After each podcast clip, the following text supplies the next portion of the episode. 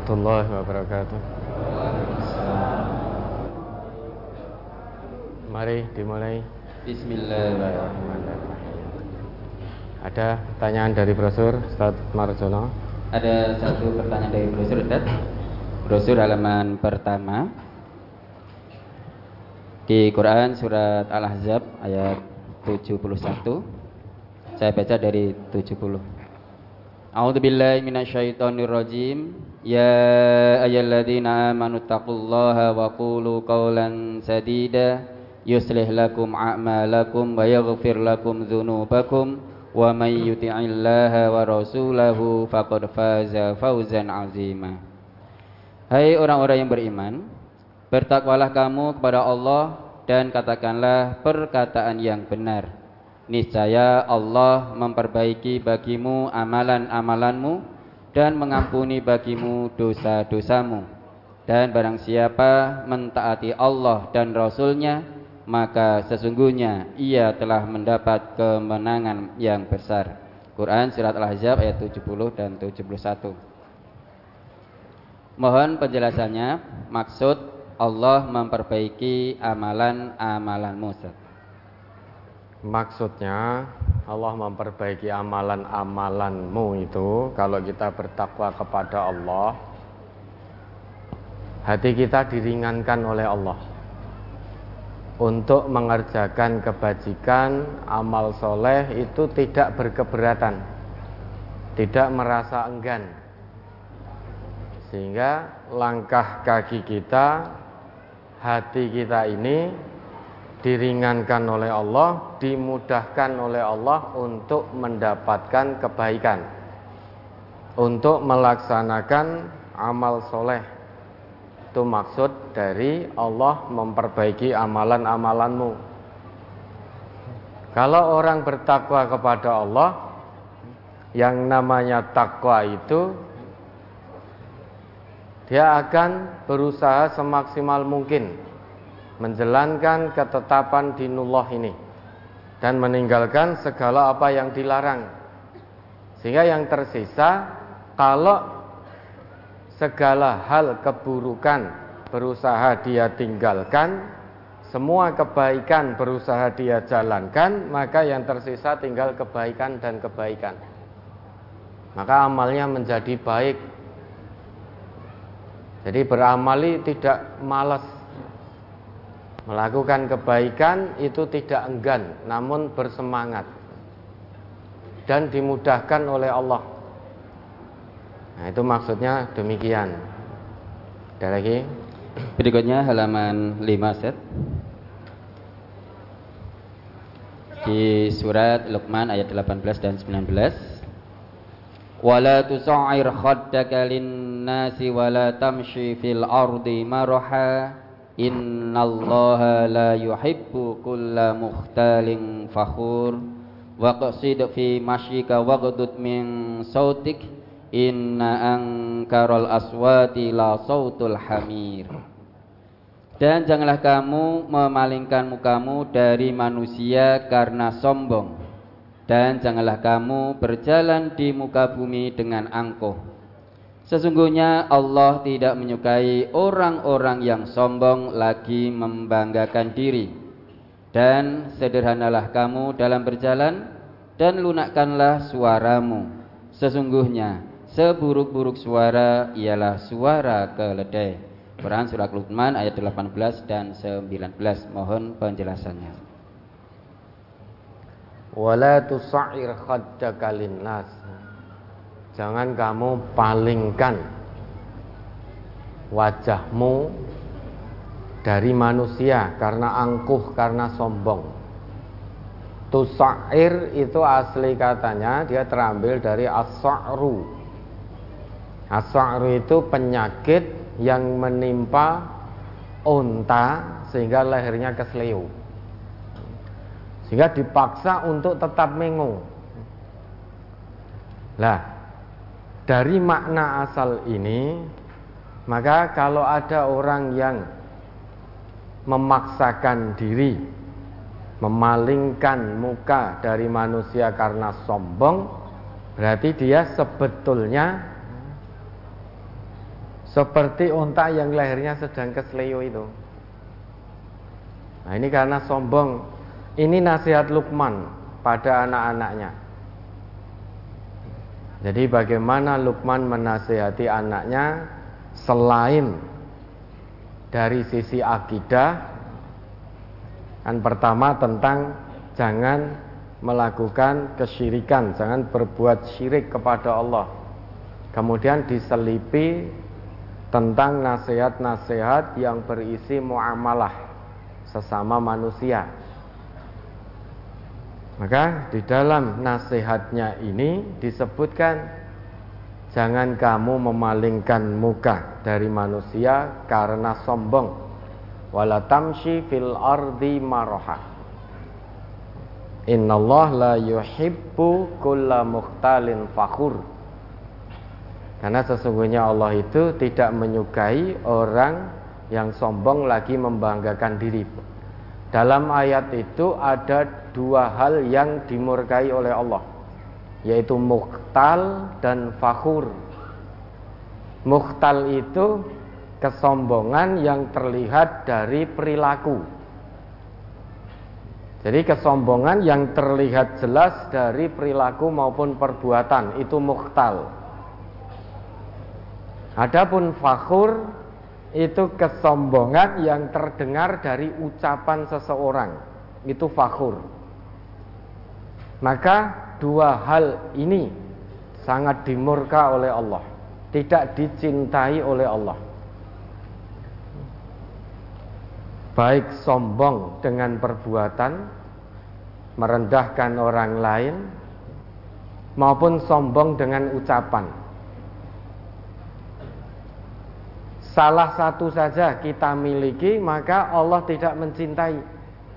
Misalkan ucapan kita santun namun isinya kesombongan meski dengan bahasa yang santun dengan bahasa Jawa kromo misalkan namun isinya sombong. Itu Allah tidak suka. Atau sombong dengan perbuatan. Salah satu saja ada pada diri kita, baik sombong dengan perbuatan ataupun sombong dengan ucapan, itu saja Allah tidak suka apalagi sampai terkumpul dua-duanya. Biasanya orang yang sombong itu dia akan membanggakan segala hal termasuk yang bukan miliknya saja akan dia bangga-banggakan mukhtal itu berasal dari khial khayalan jadi orang sombong itu sebetulnya sedang mengkhayal orang sombong ingin menunjukkan kekuasaannya ingin menampakkan kekuatannya ingin memperlihatkan kekayaannya. Hakikatnya semua itu bukan miliknya. Baik kekuatan, kekuasaan, kekayaan itu hakikatnya bukan miliknya. Hakikatnya semua itu milik Allah. Makanya dia mengkhayal, orang yang sombong itu mengkhayal. Ya. Dulu Fir'aun sombong dengan kedudukan, mengkhayal dengan kedudukannya, dengan kekuasaannya. Seolah-olah kekuasaannya itu bisa abadi. Korun, sombong, mengkhayal dengan hartanya. Seolah-olah hartanya itu akan abadi, tidak akan musnah. Seolah-olah dia akan abadi dengan hartanya. Maka mengkhayal mukhtal. Haman sombong dengan ilmunya. Itu mengkhayal. Semuanya ini hakikatnya milik Allah bukan punya kita kita ini hanya dititipi maka jangan mengkhayal segala sesuatu yang hakikatnya bukan milik kita Jangan kita sombongkan, jangan menjadikan kita sombong. Manusia ini tidak punya apa-apa.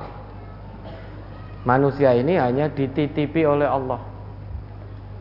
Maka jangan mengkhayal yang menyebabkan khayalan itu menjadikan kita sombong baik dengan kekuasaan, jabatan, dengan harta maupun dengan kekayaan. Dan sombong itu ada dua hal, sombong perbuatan, sikap, tingkah laku maupun dengan ucapan. Kalau dengan perbuatan, sikap, tingkah laku itu disebut muhtal. Kalau sombong dengan ucapan itu disebut fakhur. Salah satu bentuk kesombongan ini ada pada diri kita, Allah tidak suka. Apalagi sampai terkumpul dua-duanya. Sombong perbuatan, sombong ucapan. Biasanya manusia itu kalau perbuatannya sombong, ini biasanya ucapannya juga sombong. Kalau ucapannya sombong, biasanya perbuatannya juga sombong. Maka Dua hal ini dinasehatkan Luqman kepada putra-putranya. Kemudian nasihat berikutnya waqsid fi masyika. Sederhanalah dalam berjalan. Ojo terlalu cepat, jangan terlalu lambat. Sehingga sederhana dalam berjalan. Tidak kemerungsung, ya ora alon-alon banget sehingga menghabiskan waktu.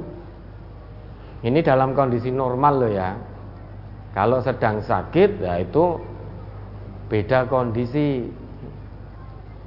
Kalau kondisi normal, ya, jalan itu jangan terlalu terburu-buru, jangan terlalu ngintik kemerungsung, ya, dan jangan pula terlalu pelan sehingga menghabiskan waktu. Kemudian wahdud min sautik. Wahdud min sautik, rendahkan suara, tahan suara. Wahdud itu aslinya dari al-ghad. Al-ghaddu. Al-ghaddu itu penggunaan sesuatu tidak dalam kondisi maksimal. Itu al-ghad. Jika ini kata al-ghad ini dilekatkan pada mata pada penglihatan, maka ada istilah ghadul basor. Jadi penglihatan kita ini kalau kondisi maksimal bisa kita gunakan untuk melihat ke kanan, ke kiri, ke depan dan ke belakang. Namun orang yang beriman diminta oleh Allah, diperintah oleh Allah menahan penglihatannya untuk tidak digunakan dengan kadar maksimalnya sehingga tidak semuanya dilihat.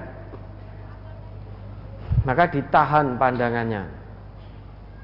Kalau orang yang tidak beriman pada Allah, matanya penglihatannya akan jelalatan ke mana-mana. Karena fungsi penglihatannya hanya untuk melihat fungsi matanya. Orang yang beriman itu fungsi matanya bukan hanya sekedar untuk melihat, yaitu melihat yang baik-baik menurut Allah begitu. Maka jangan gunakan secara maksimal sehingga jelalatan ke mana-mana. Maka ghadul basor tahan pandangan. Begitu pula suara. Wakdud min sautik. Maka jangan teriak-teriak.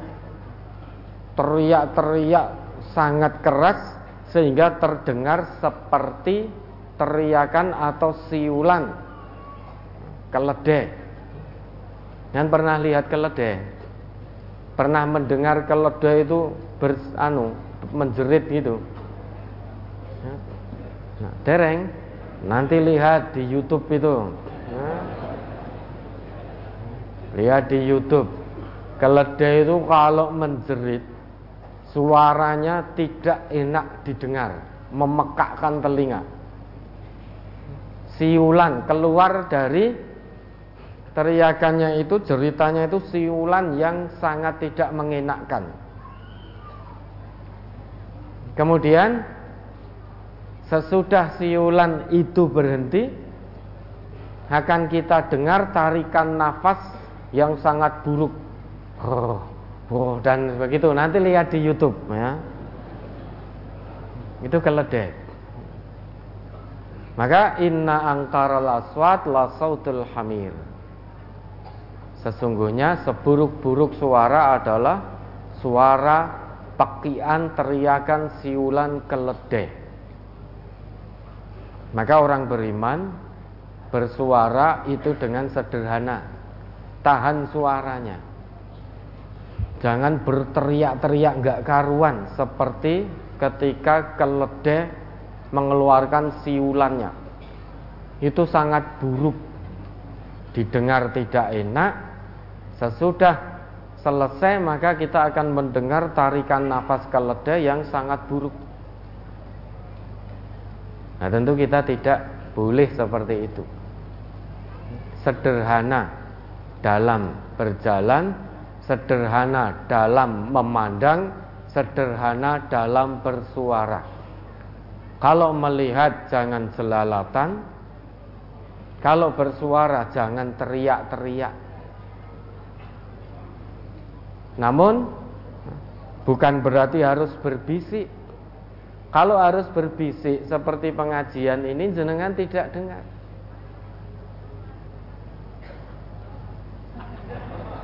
Mirang badan. Badan mirang. Artinya tidak boleh teriak-teriak yang melampaui batas sehingga seperti suara keledai.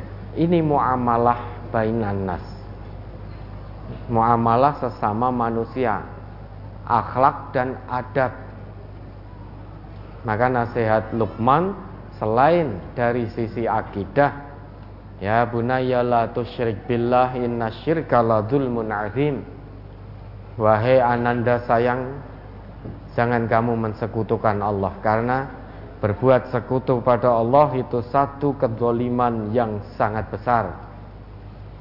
Kemudian diselipi, diselipkan oleh Luqman nasihat dari sisi akhlak. Salah satunya ini. Bagaimana kita bermuamalah? Bagaimana kita bersuara, bagaimana kita berbicara itu sampai diatur. Apalagi berbicara dengan orang yang lebih sepuh usianya daripada kita. Bicara dengan kasar, bicara dengan kalimat-kalimat yang menyakitkan,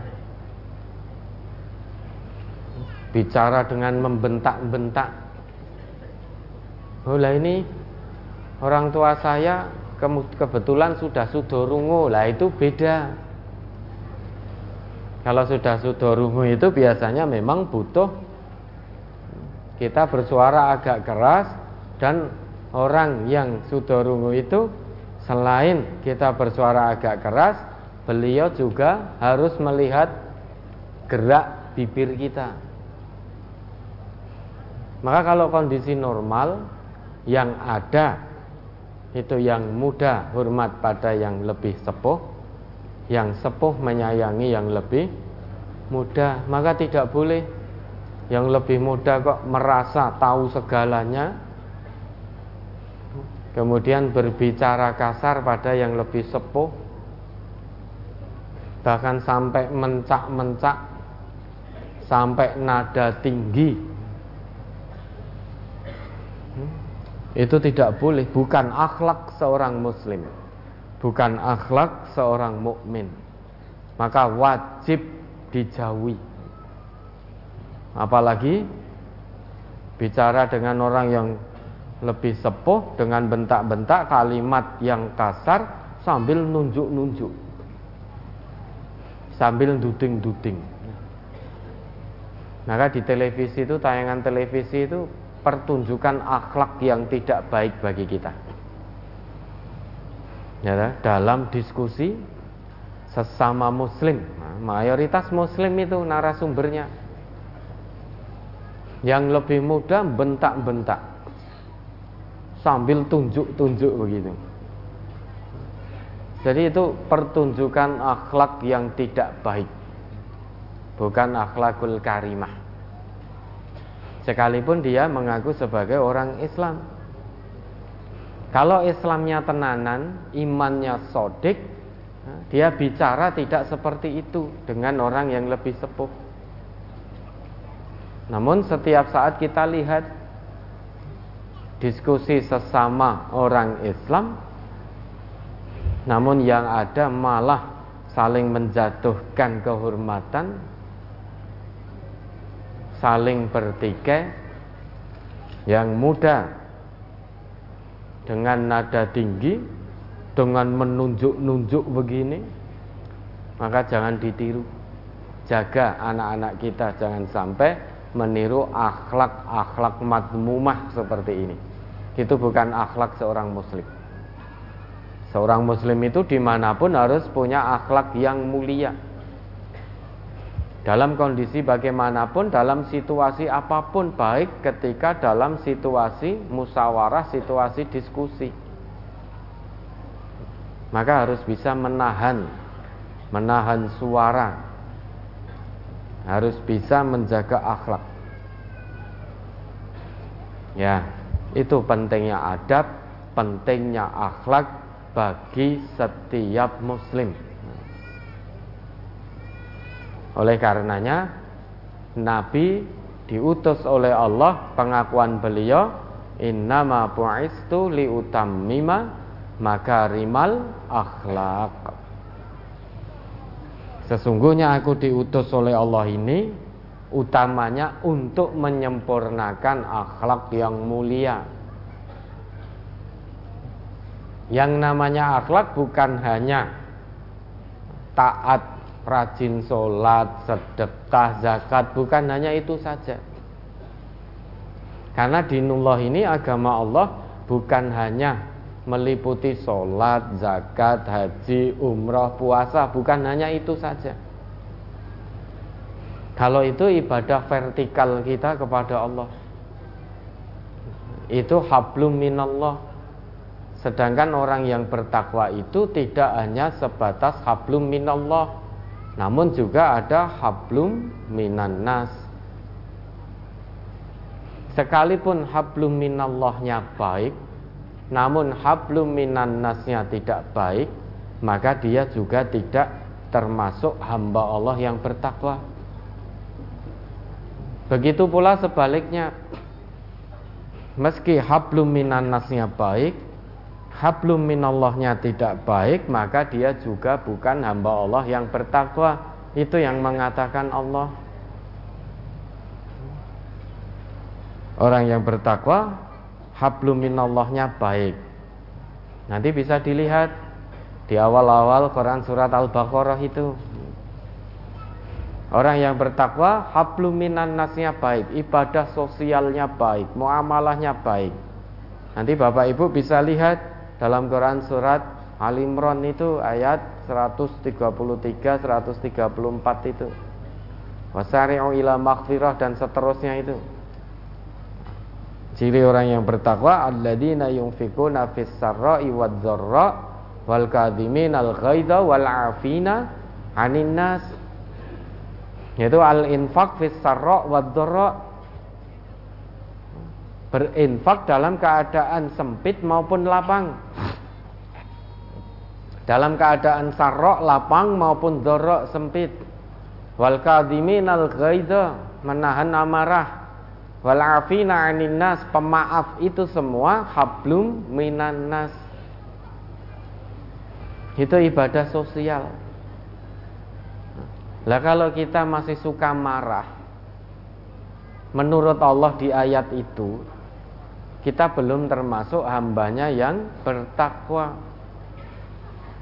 Kalau kita masih punya sifat dendam, tidak mudah memaafkan orang lain, maka menurut Allah dalam ayat itu kita pun juga belum termasuk hambanya yang bertakwa. Maka antara hablum minallah, hablum minan nas, ibadah vertikal kepada Allah, ibadah sosial itu harus sama baiknya. Tidak boleh berdiri sendiri-sendiri kalau ingin menjadi hamba Allah yang bertakwa.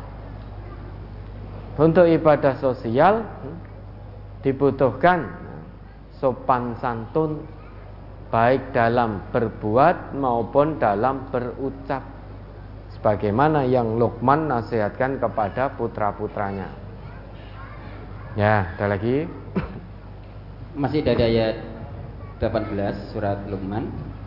Orang yang membanggakan diri dengan pendapatnya dan menganggap pendapat yang bukan dari kelompoknya adalah salah, terus memutus pertemanan entah di dunia nyata maupun di dunia maya, apa itu termasuk kesombongan?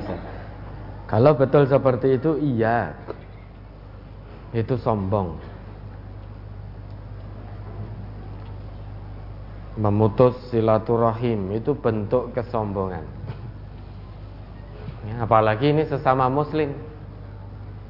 Jutaan memutus silaturahim. Kata Nabi kita, tidak halal la yahillu li muslimin ayah jura akahu fauqa salasi layalin. Tidak halal bagi setiap muslim. Kalau tidak halal berarti apa? Haram tidak halal bagi setiap muslim mendiamkan juta saudara muslimnya yang lain fauqa salasi layalin. Lebih dari tiga hari. Jenengan jutaan boleh kok. Tetapi tidak lebih dari tiga hari. Maksimal dari Nabi. Yang lebih utama jangan jutaan. Apa rumangsane jutaan ini penak? Enggak enak. Jutaan ini ya, pangkal keburukan. Dengan jutaan ada zon di situ kita akan tajasus, akan tahasus, mencari-cari kesalahan orang, mencuri-curi dengar pembicaraan orang, untuk mengetahui kondisi orang yang kita juta, mengetahui kejelekannya untuk disebarluaskan kalau dalam dunia maya tajasusnya, tahasusnya itu dengan melihat-lihat akun orang yang sedang dibenci, sedang dijuta, mencari-cari kesalahan. Dari setiap katanya dicari-cari kira-kira sing salah hendi. Untuk kemudian disebarluaskan, dijadikan fitnah. Maka orang dua orang sesama muslim kok jutaan? Lebih dari tiga hari. Berarti hari keempat, kelima, keenam dan seterusnya Dia menjalani sisa kehidupan dengan jalan haram. Dengan cara haram. Hanya gara-gara untuk memuaskan hawa nafsu. Jutaan yaltaqiyani fayu'ridu hadza wa yu'ridu hadza. Keduanya bertemu mak gabrus gitu. Fayu'ridu hadza wa yu'ridu hadza. Namun pura-pura tidak melihat. Yang satu berpaling, yang ini juga berpaling padahal bertemu. Misalkan panjenengan ada yang jutaan datang ke majelis ini, tadi pagi. Lah kok rasa koso tiba-tiba bertemu di depan? Waduh fulan padahal lagi jutaan. Lagi saling mendiamkan. Sama-sama kemudian salah tingkah semua. Akhirnya ada yang sibuk pura-pura buka tasnya lihat cari HP ada yang sibuk bet, apa, betulkan sandalnya ada yang sibuk pura-pura menoleh pada orang lain supaya apa? Supaya tidak saling melihat.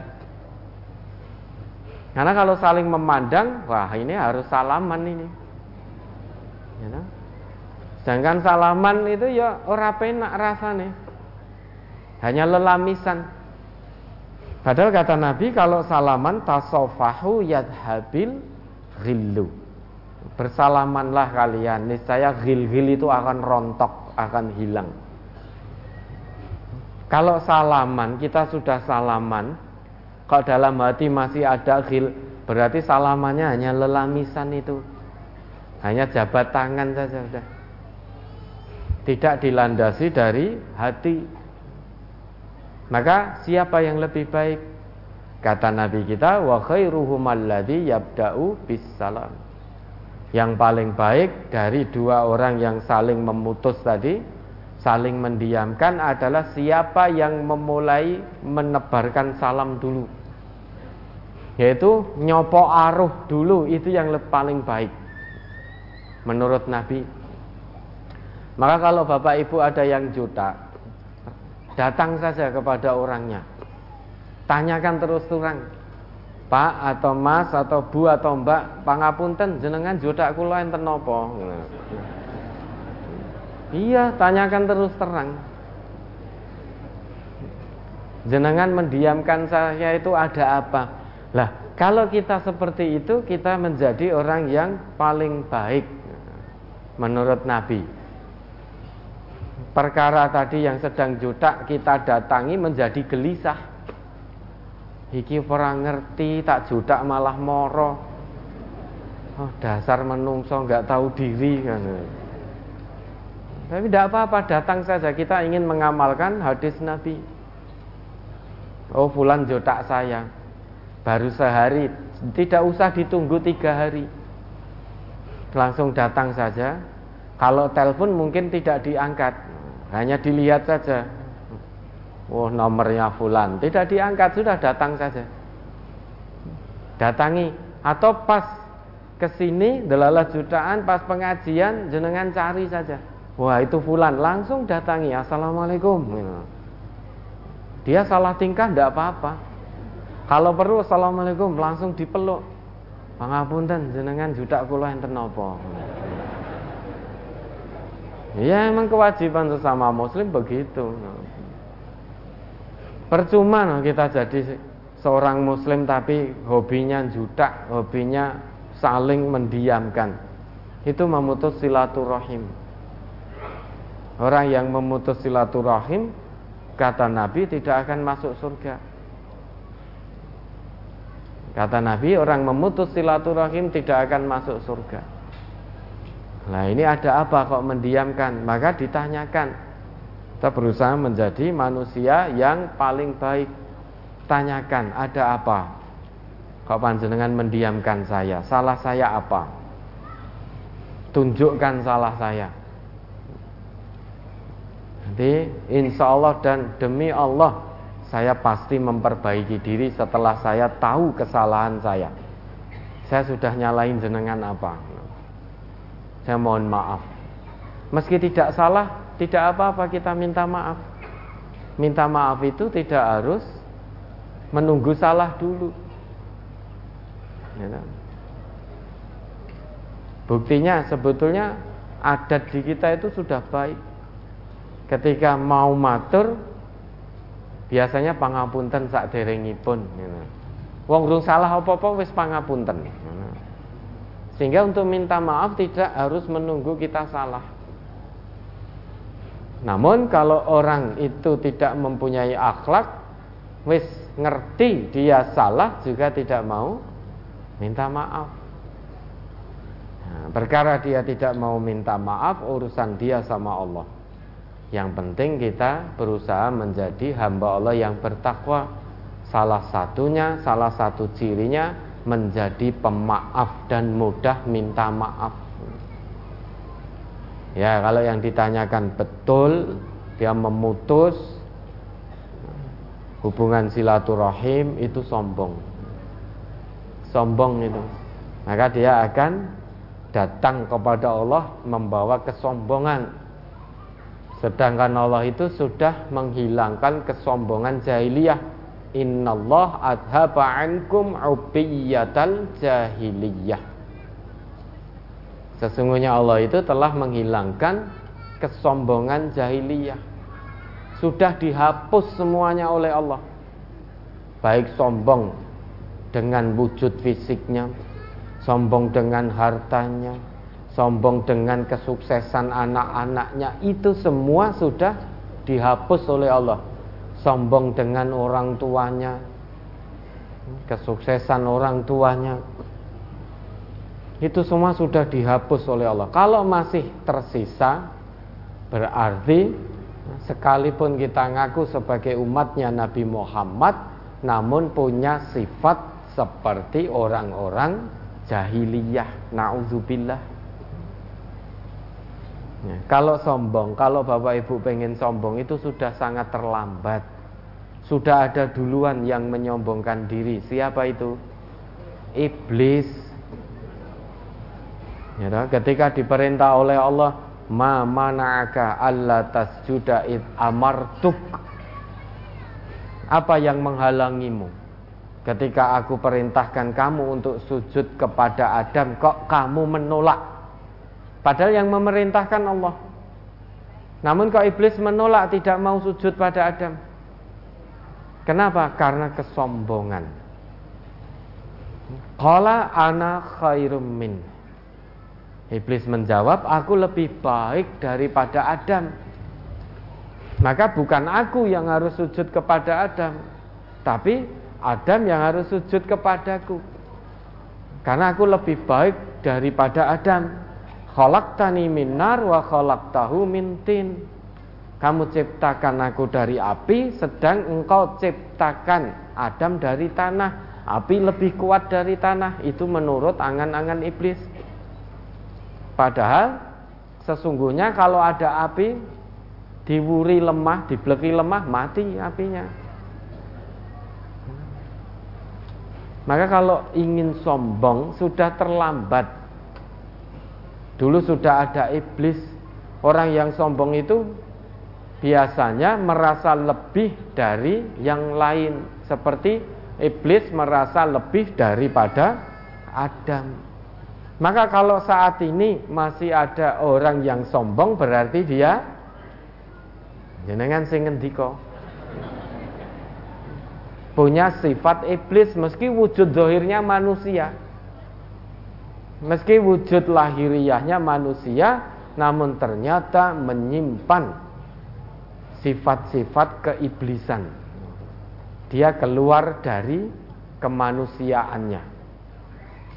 Tujuan Allah ciptakan manusia itu untuk ibadah. Salah satu bentuk ibadah adalah tawaduk, bukan sombong. Kalau sombong berarti dia punya sifat keiblisan meski wujudnya manusia. Manusia ah, berarti iblis berwujud manusia. Eh, monggo siapa yang mau sombong silahkan. Ya, ada lagi. Brosur halaman 4 di surat An-Nisa 65 Fala wa rabbika la yu'minuna hatta yuhaqqimuka fi ma shajara bainahum thumma la yajidu fi anfusihim haraja la yajidu fi anfusihim harajan mimma qadaita wa yusallimu taslima.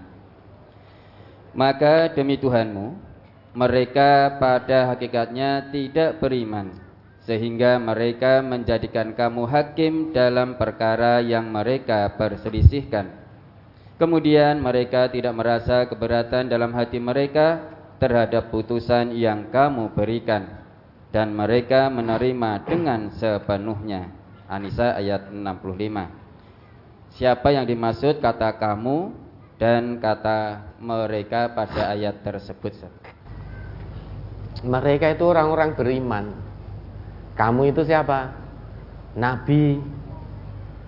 Ya, fala wa rabbika la yu'minuna demi Tuhanmu yaitu demi Tuhannya Nabi Muhammad yaitu Allah. La yu'minuna. Mereka tidak beriman.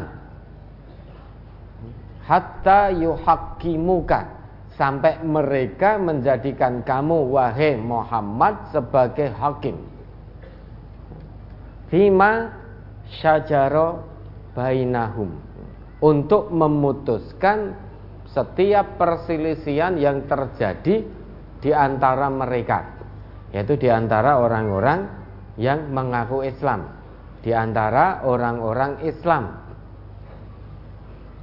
Orang-orang Islam dikatakan oleh Allah dalam ayat ini sekalipun telah ngaku Islam dalam lesannya, namun jika terjadi perselisihan di antara mereka, kok penyelesaiannya tidak menjadikan Rasulullah sebagai hakim dalam menyelesaikan perselisihan mereka, maka dikatakan oleh Allah la yu'minun, mereka tidak beriman.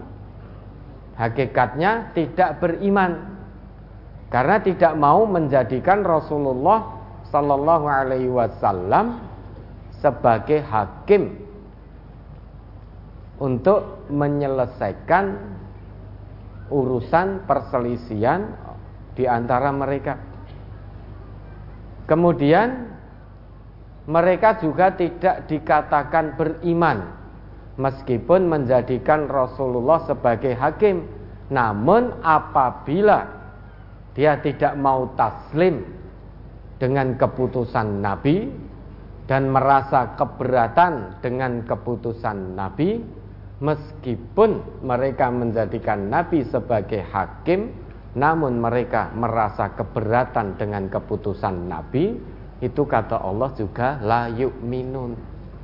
Tidak beriman. Nah sekarang bagaimana kita yang hidup tidak sezaman dengan Nabi? Kalau dulu para sahabat langsung datang kepada Nabi, diputuskan oleh Nabi perkara yang mereka yang beliau-beliau perselisihkan. Setelah Nabi memberikan keputusan beliau, para sahabat taslim, bayusallimu taslima menerima sepenuh hati. Tidak ada keberatan sedikit pun pada hati para sahabat. Nah sekarang kita yang tidak hidup sezaman dengan Nabi Bagaimana cara kita untuk menyelesaikan perkara atau perselisihan di antara kita? Yaitu tetap dengan apa yang diwariskan oleh Nabi kita Merujuk apa yang diwariskan oleh Nabi kita. Dengan kita merujuk pada warisan Nabi yaitu Quran dan Sunnah itu berarti hakikatnya kita juga menjadikan Rasulullah sebagai hakim dalam penyelesaian perselisihan di antara kita. Coba diingat itu Quran surat An-Nisa ayat 59.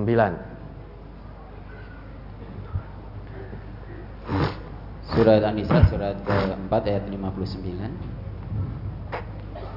يا أيها الذين آمنوا أطيعوا الله وأطيعوا الرسول وأولي الأمر منكم فإن تنازعتم في شيء فردوه إلى الله والرسول إن كنتم تؤمنون بالله واليوم الآخر ذلك خير وأحسن تأويلا Hai orang-orang yang beriman Taatilah Allah dan taatilah Rasulnya Dan ulil amri di antara kamu Kemudian jika kamu berlainan pendapat tentang sesuatu, maka kembalikanlah ia kepada Allah, yakni Al-Quran, dan Rasulnya, yakni Sunnah. Jika kamu benar-benar beriman kepada Allah dan hari kemudian, yang demikian itu lebih utama bagimu dan lebih baik akibatnya. Ya tahu.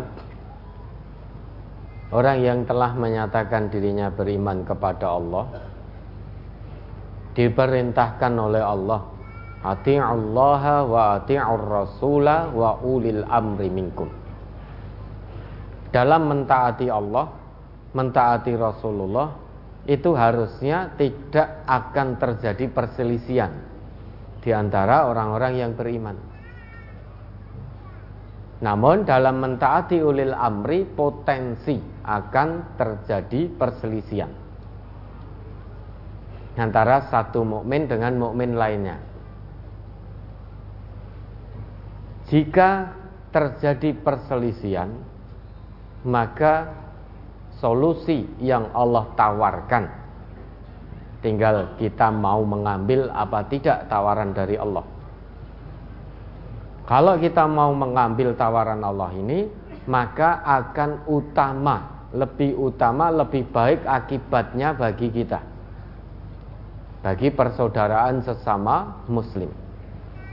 Namun jika tidak mau mengambil tawaran dari Allah ini, kata Allah di ayat tadi yang ditanyakan, la yu'minun. Fala wa rabbika la yu'minun. Mereka tidak beriman. Kalau tidak mau mengambil tawaran solusi dari Allah dalam menyelesaikan perselisihan antara orang-orang yang beriman. Tawaran Allah apa? Fa in tanaza'tum fi syai'in farudduhu ilallah war rasul. In kuntum tu'minuna billah wal yaumil akhir. Ini kita diminta oleh Allah membuktikan pengakuan keimanan kita. Jangan hanya lesannya ngaku beriman namun tidak dibuktikan. Jika kita betul-betul ngaku iman pada Allah dan hari akhir, salah satu bukti yang harus kita tunaikan yaitu mengembalikan semua perselisihan di tengah-tengah kita, di antara kita, cari jalan keluarnya dari Al-Quran, dari Sunnah. Farudu ilallah war Rasul. Itu pun jika kamu betul-betul beriman pada Allah dan hari akhir. Kesimpulannya, orang Islam berselisih mencari jalan keluar selain dari Quran maupun Sunnah berarti dia tidak beriman kepada Allah dan hari akhir. Kalau sudah dihadapkan pada Quran pada Sunnah, semuanya orang-orang yang sedang berselisih tadi itu taslim wa yusallimu taslima jangan ada keberatan. Bagaimana mungkin kita berkeberatan hati sedangkan di hadapan kita solusi dari Al-Quran di hadapan kita solusi dari Rasulullah?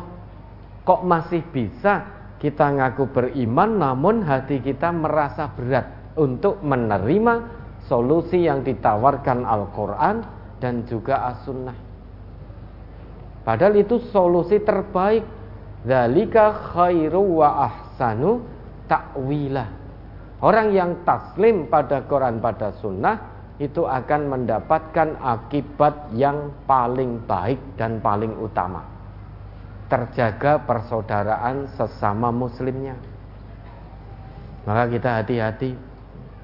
Selama ini kita sudah ngaku beriman pada Allah, ngaku bahwa Rasulullah suri toladan kita. Maka kalau ada perselisihan di antara kita, solusinya, jalan keluarnya Jangan menurut egonya sendiri-sendiri. Kalau menurut egonya sendiri-sendiri, maka kebenaran tidak akan muncul. Kalau menurut egonya sendiri-sendiri, yang muncul adalah pembenaran versi masing-masing, bukan kebenaran. Padahal yang namanya solusi itu harus berlandaskan kebenaran. Kebenaran itulah solusi dari permasalahan, dari perselisihan. Nah, untuk mendapatkan kebenaran, maka merujuk pada Quran, merujuk pada sunnah. Apa pun yang disampaikan, yang ditawarkan Quran sunnah, kewajiban kita hanya sami'na wa ato'na. Innama kana qaulal mu'minina Idza du'u ilallahi wa rasulihi ay liyahkuma bainahum ay yaqulu sami'na wa ata'na wa ulaika humul muflihun. Hanya saja innama adatul hasr huruf pembatas sehingga yang di luar apa yang dibatasi oleh kata innama ini maka itu tidak boleh kita lakukan.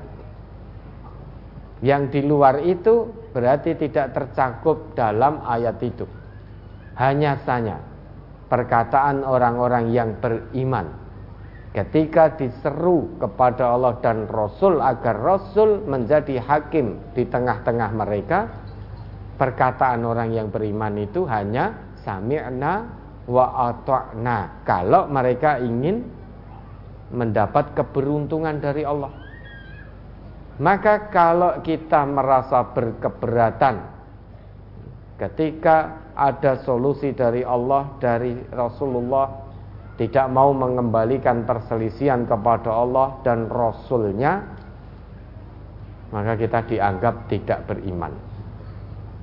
Kalau masih ada keberatan dalam hati kita menerima keputusan Al-Quran, menerima keputusan sunnah-sunnah dari Rasulullah. Itu yang dimaksud kamu itu adalah Nabi Muhammad di situ.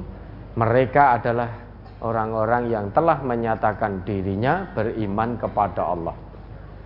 Pengakuan iman butuh bukti.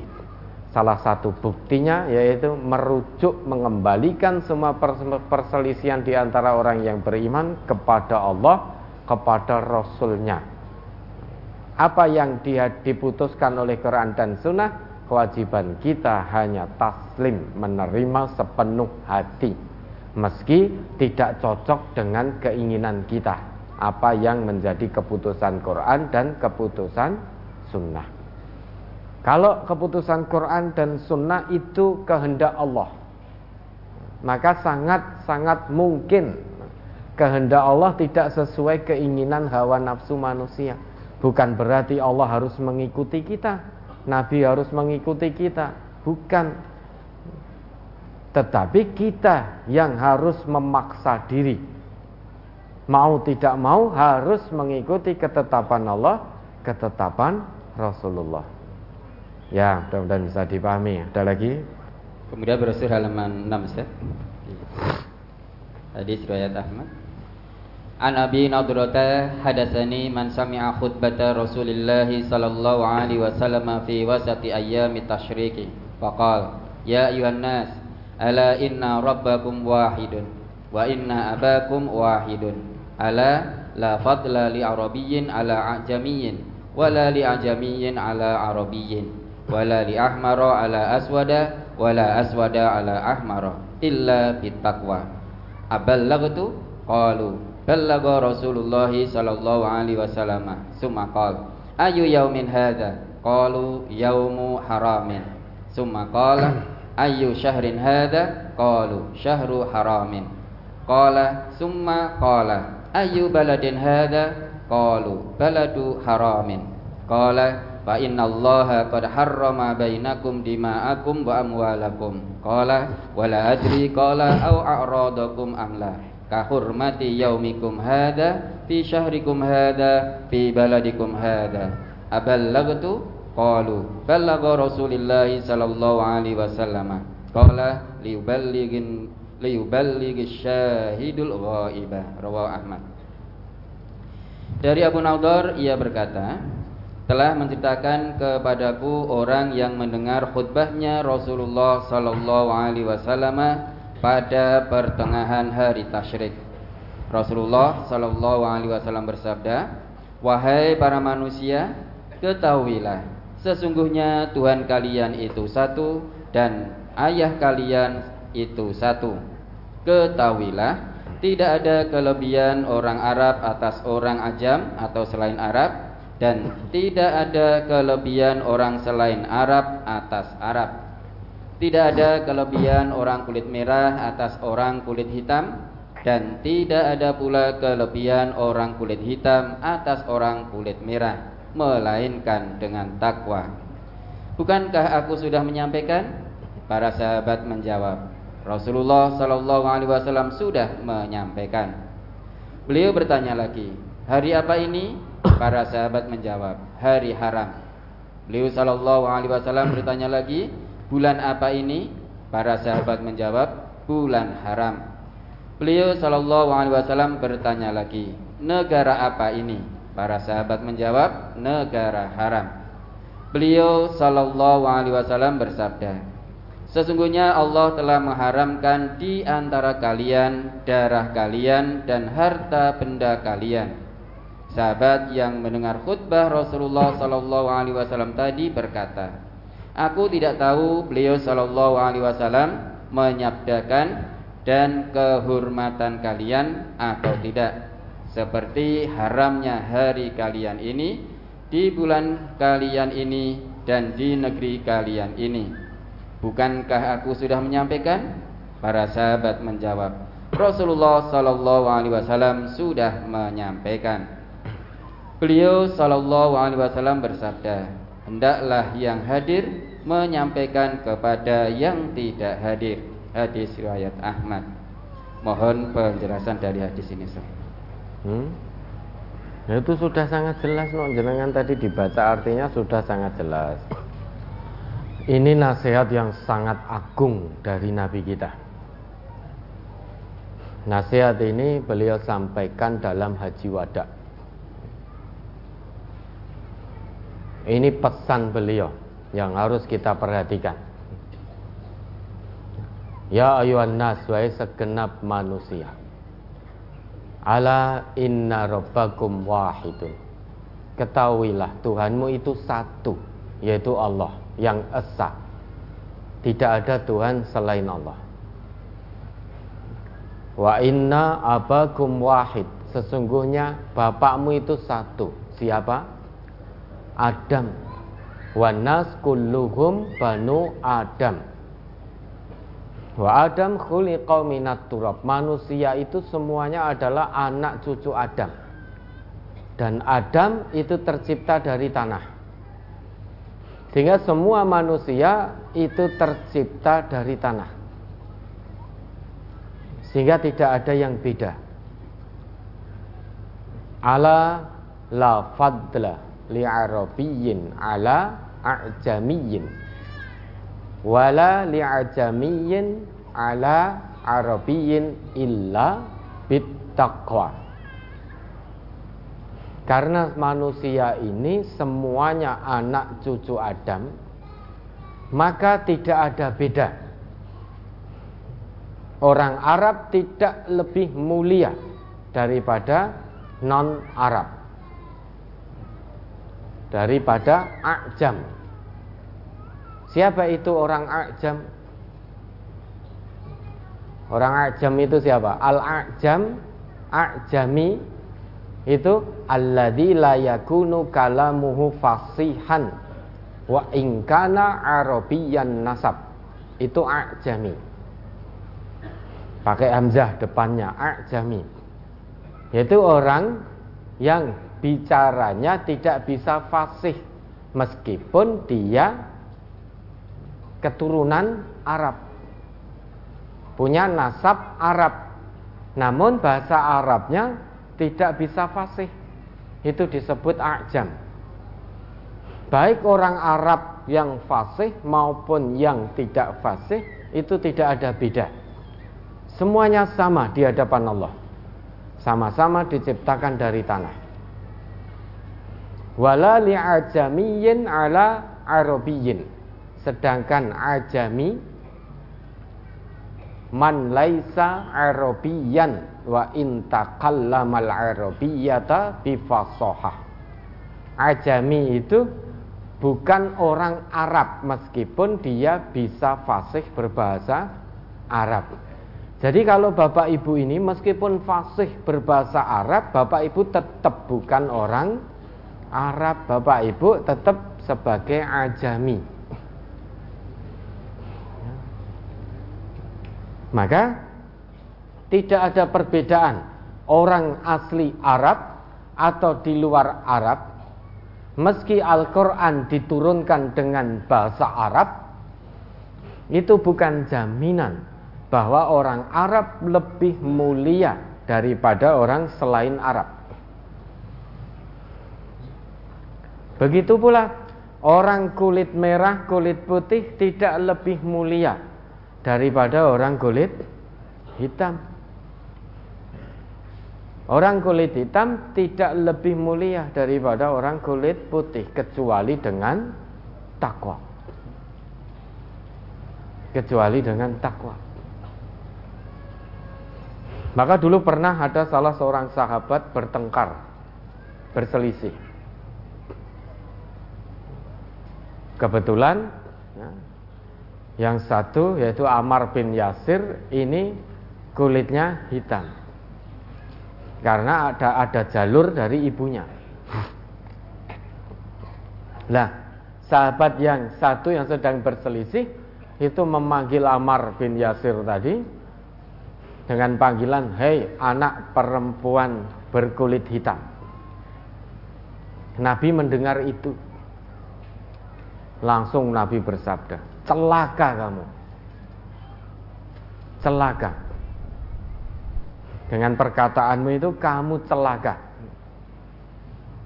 Karena la fadla li arabiyyin ala ajamiyyin wala ajamiyyin ala arabiyyin wala li aswada ala ahmara wala ahmara ala aswada. Karena tidak ada perbedaan orang Arab tidak lebih mulia di hadapan Allah daripada non Arab orang non Arab tidak lebih mulia daripada orang Arab Orang kulit putih tidak lebih mulia daripada orang kulit hitam di hadapan Allah. Orang kulit hitam tidak lebih mulia di hadapan Allah daripada orang kulit putih. Illa bittaqwa. Celaka kamu. Mendengar teguran Nabi itu, Fulan tadi lantas berbaring di tanah, meletakkan satu pipinya di tanah, dan meminta Amar bin Yasir untuk menginjak pipinya yang satu sebagai tebusan atas apa yang sudah diucapkan. Itu akhlak sahabat Nabi. Begitu menyalahi aturan, ditegur oleh Nabi, langsung dia taslim. Minta pada orang yang sudah disakiti tadi, injak wajahku yang meletakkan wajahnya pipinya di atas tanah dan meminta Amar bin Yasir untuk menginjak wajahnya. Tapi tidak dilakukan, saling memaafkan. Lah kalau kita surah peduli, mau nyatane ireng tenan Kalau kita kan seperti itu, bentuk kesombongan kita. Sudah ngerti hadis Nabi ini. Ini nasihat yang sangat agung dari Nabi. Beliau berpesan dalam haji wada. Sepeninggal Nabi tadi, jangan sampai umatnya kembali ke masa jahiliyah. Yang saling berbangga, saling bersombong, saling merendahkan. Kalau dalam bahasa sekarang rasis. Melihat orang Arab lebih baik dari yang non-Arab Orang berkulit merah lebih baik daripada kulit hitam. Itu zaman dulu. Maka Nabi betul-betul berpesan, mewanti-wanti betul. Sampai Nabi ngendiko itu abalak tuh, bukankah aku sudah menyampaikan? Jawab sahabat, qalu ballagha Rasulullah sallallahu alaihi wasallam. Ya betul. Rasulullah sudah menyampaikan. Kemudian sesudah itu beliau bersabda lagi ayu yaumin hada Qalu yaumu haram. Hari apa ini? Para sahabat menjawab hari haram Yaitu suci, hari suci. Karena itu yaumun nahar Hari raya idul adha Itu hari suci Ayu syahrin hada. Bulan apa ini? Qalu syahru haram. Ini bulan haram, yaitu bulan yang suci. Ada empat bulan haram, salah satunya Dhul Hijjah. Dhul Qa'dah, Dhul Hijjah, Muharram sama Rajab. Bukan berarti hari bulan-bulan yang lain boleh, bukan. Maka Nabi bertanya, "Ayu syahrin hada?" Ini bulan apa? Syahrul haram. Ini bulan haram wahai Rasulullah. Ayu baladin hada? Di negeri apa ini? Ini negeri apa? Baladu haram. Ini negeri yang haram. Negeri yang suci. Ada dua tanah yang haram, haramain.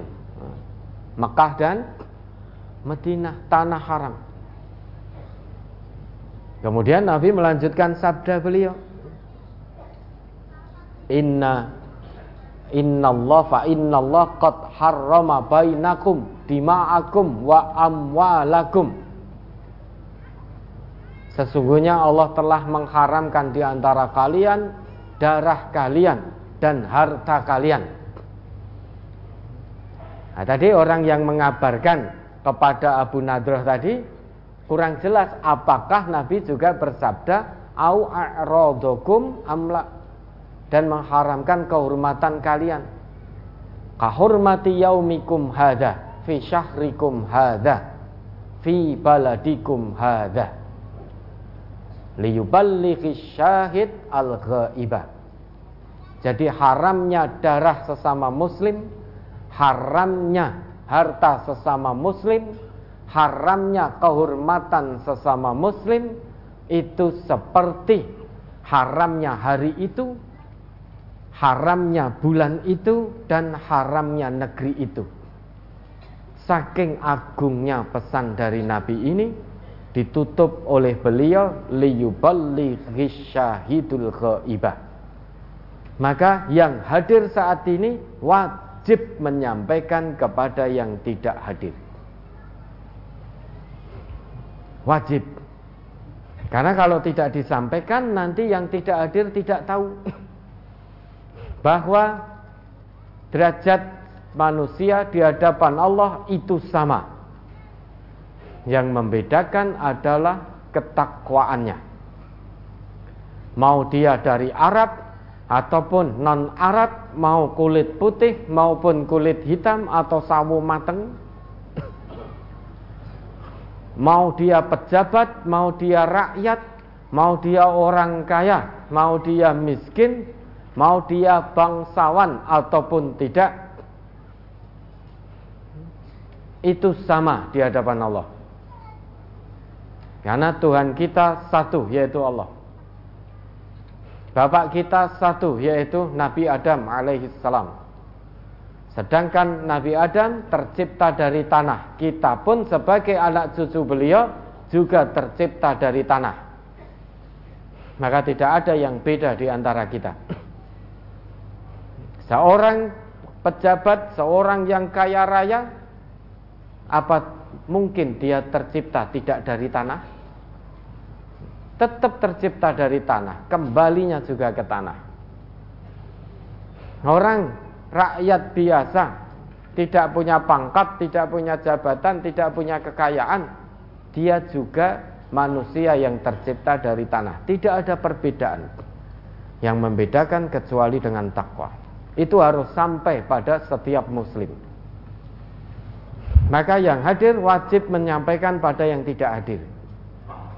Kemudian sesudah itu pesan berikutnya dari Nabi bahwa harta darah sesama muslim, pertumpahan darah sesama muslim itu haram.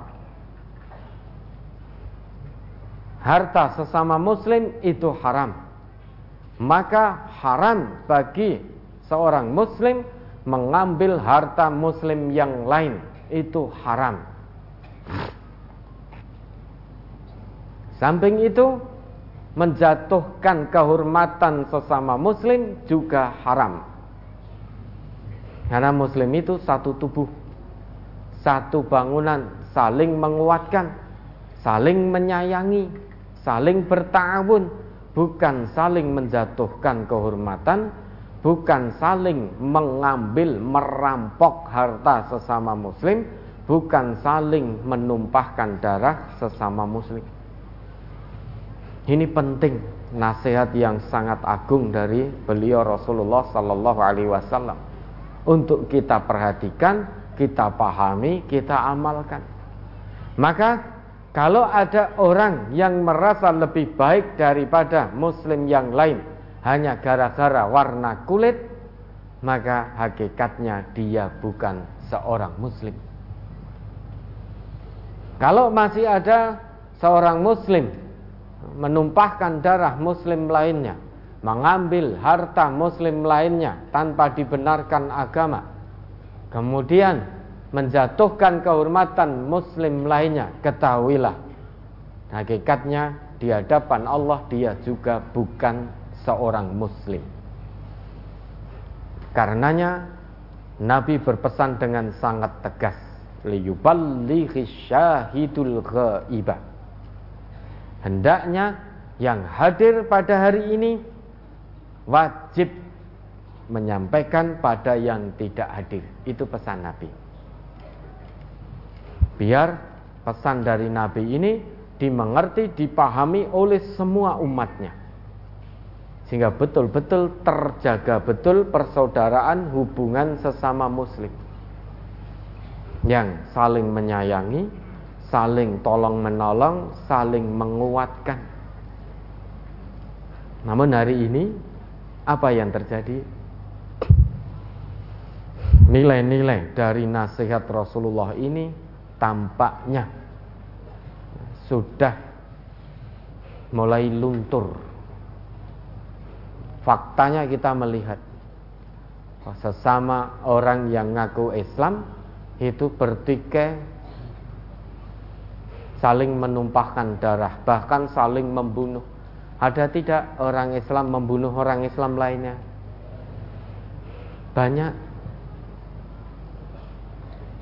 Ada orang yang ngakunya Islam merampok harta orang Islam lainnya. Ada tidak koruptor yang ngakunya beragama Islam? Banyak. Bukan Islamnya yang salah. Namun orangnya itu yang kurang ajar. Sehingga seolah-olah kebenaran Islam tertutup oleh pola tingkah mereka yang kurang ajar itu. Al-Islam mahjubun bil muslimin. Kebenaran Islam, kebaikan Islam hari ini terhijab tertutup oleh perilaku, oleh ucapan orang yang ngakunya Islam. Kalau dia muslim betul tentu tidak saling menumpahkan darah. Kalau dia Islam betul tentu tidak korupsi. Kalau dia Islam betul tentu tidak saling menjatuhkan kehormatan berdiskusi di televisi tidak saling menjatuhkan kehormatan seperti itu. Maka tampaknya nasihat Nabi ini tinggal nasihat saja. Banyak umat beliau yang ngaku Islam. Sebagai umat beliau tidak lagi menjalankan nasihat Nabi yang sangat agung ini. Nah, bagaimana kita? alaikum anfusakum. Ya ayyuhalladzina amanu alaikum anfusakum. La yadurrukum man dhalla idza tadaitum. Dalam Quran surat Al-Maidah ayat 105 Baik orang-orang yang beriman jaga dirimu baik-baik la yadurrukum man dhalla idza tadaitum cara menjaga diri dengan baik bagaimana kita tetap berjalan di atas petunjuk Allah dan tuntunan Rasulullah. Kalau terus kita istiqomah berada di atas petunjuk Allah, berada di atas ketetapan agama Allah ini, la yadurrukum. Orang yang berpaling dari agama Allah, orang yang sesat itu tidak akan bisa menimpakan madorot pada orang-orang yang senantiasa istiqomah dengan keyakinan sepenuh hati berjalan di atas petunjuk Allah. Zaman itu saat itu terjadi menurut sabda Nabi kita, "Idza ra'aita syuhan muta'an." Jika kebakilan diperturutkan, jika kamu melihat kebakilan diperturutkan, Wahawa muttaba'an, hawa nafsu diikuti. Wa dunya mu'sarotan, dunia sudah mewarnai sehingga kita tidak mewarnai dunia, namun dunia mewarnai diri kita. Agama tidak lagi mewarnai dunia, namun dunia mewarnai diri kita. Wa i'jaba kulli dhi ra'yin bi ra'yihi. Dan masing-masing orang bangga dengan pendapatnya sendiri-sendiri menentang ketetapan Allah, ketetapan Quran dan Sunnah hanya untuk ngugemi pendapatnya sendiri. Dalam arti dia kekeh dalam pembenaran versinya sendiri bukan kebenaran dari Quran dan Sunnah maka fa'alaika bi khassati nafsika. Jika kamu sudah melihat ciri-ciri yang Nabi sebutkan tadi, fa'alaika bi khassati nafsika. Wajib hendaklah dirimu menjaga dirimu sendiri dengan baik. Jaga dirimu baik-baik. Caranya bagaimana? Wada'il awama. Tinggalkan keumuman manusia. Fa inna min waraikum ayyaman karena sesungguhnya jika ciri-ciri itu sudah muncul maka ketahuilah di belakangmu nanti akan ada hari-hari. Hari-hari yang menuntut kesabaran ekstra untuk terus berjalan di atas petunjuk Allah. As-sabru fihinna mislul qabdi alal jamri. Orang yang sabar pada saat itu nanti ketika ciri-ciri tadi sudah muncul, kok ada orang yang tetap sabar berjalan di atas petunjuk Allah? tidak berbangga dengan pendapat, tidak mengikuti hawa nafsu, tidak terwarnai oleh dunia, tidak tertipu oleh kehidupan dunia, tidak bakhil. Maka orang yang sabar pada saat itu nanti mislul qabdi alal jamri. Seperti orang yang sedang menggenggam bara api. Panas atau tidak bara api itu? Kalau kalau ingin tahu rasanya nanti bisa panjenengan coba. Genggamlah bara api itu. Pasti panas. Kalau panas, apa yang dilakukan? Melepas. Orang menggenggam bara api merasa panas pasti akan dilepaskan. Namun tidak dengan kita.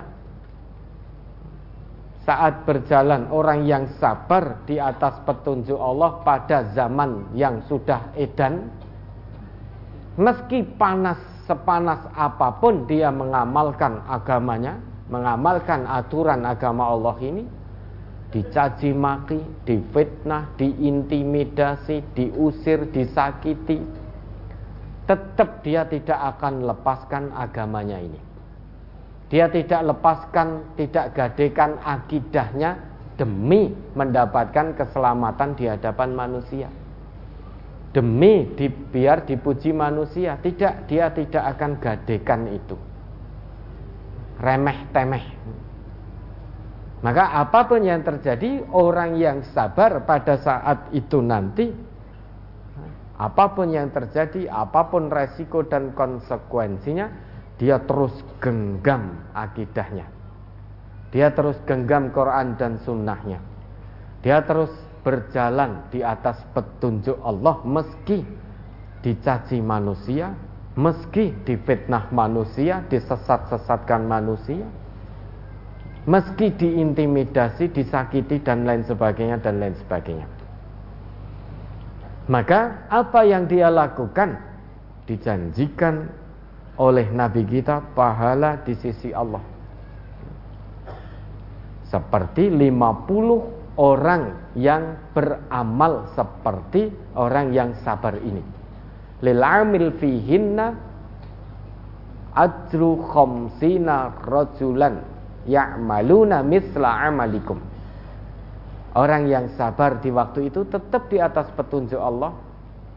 Sekalipun resikonya dia tersakiti, tergolimi, terfitnah, teraniaya, namun dia tetap berjalan di atas petunjuk Allah, berjalan di bawah bimbingan tuntunan Rasulullah sekalipun tidak ada satupun manusia yang senang, dia terus mengikuti petunjuk Allah dan tuntunan Rasulullah dijanjikan mendapat pahala 50 orang yang beramal baik. Para sahabat bertanya, 50 orang ini minna au minhum? 50 dari kami yaitu para sahabat atau dari mereka ya Rasulullah? Jawab Nabi 50 ini minkum dari kamu para sahabat. Coba luar biasa satu sahabat saja amal perbuatan satu sahabat itu sudah sangat-sangat istimewa. Apalagi 50 amalan 50 amal dari sahabat 50 orang sahabat Satu sahabat saja kebaikannya sudah sangat istimewa. Apalagi ini 50 sahabat. Dan itu nanti akan didapatkan oleh orang yang tetap sabar berjalan di atas petunjuk Allah, tuntunan Rasulullah, apa pun yang terjadi. Cirinya zaman itu yang sudah disebutkan oleh Nabi tadi, Idza ra'aita syuhan muta'an, kebakhilan diperturutkan, wa hawa muttaba'an. Hawa nafsu diikuti terus-menerus, dipertuhankan. Wa dunya mu'sarotan, orang sudah tertipu dengan kehidupan dunia, terwarnai oleh kehidupan dunia yang menipu. Wa i'jaba kulli.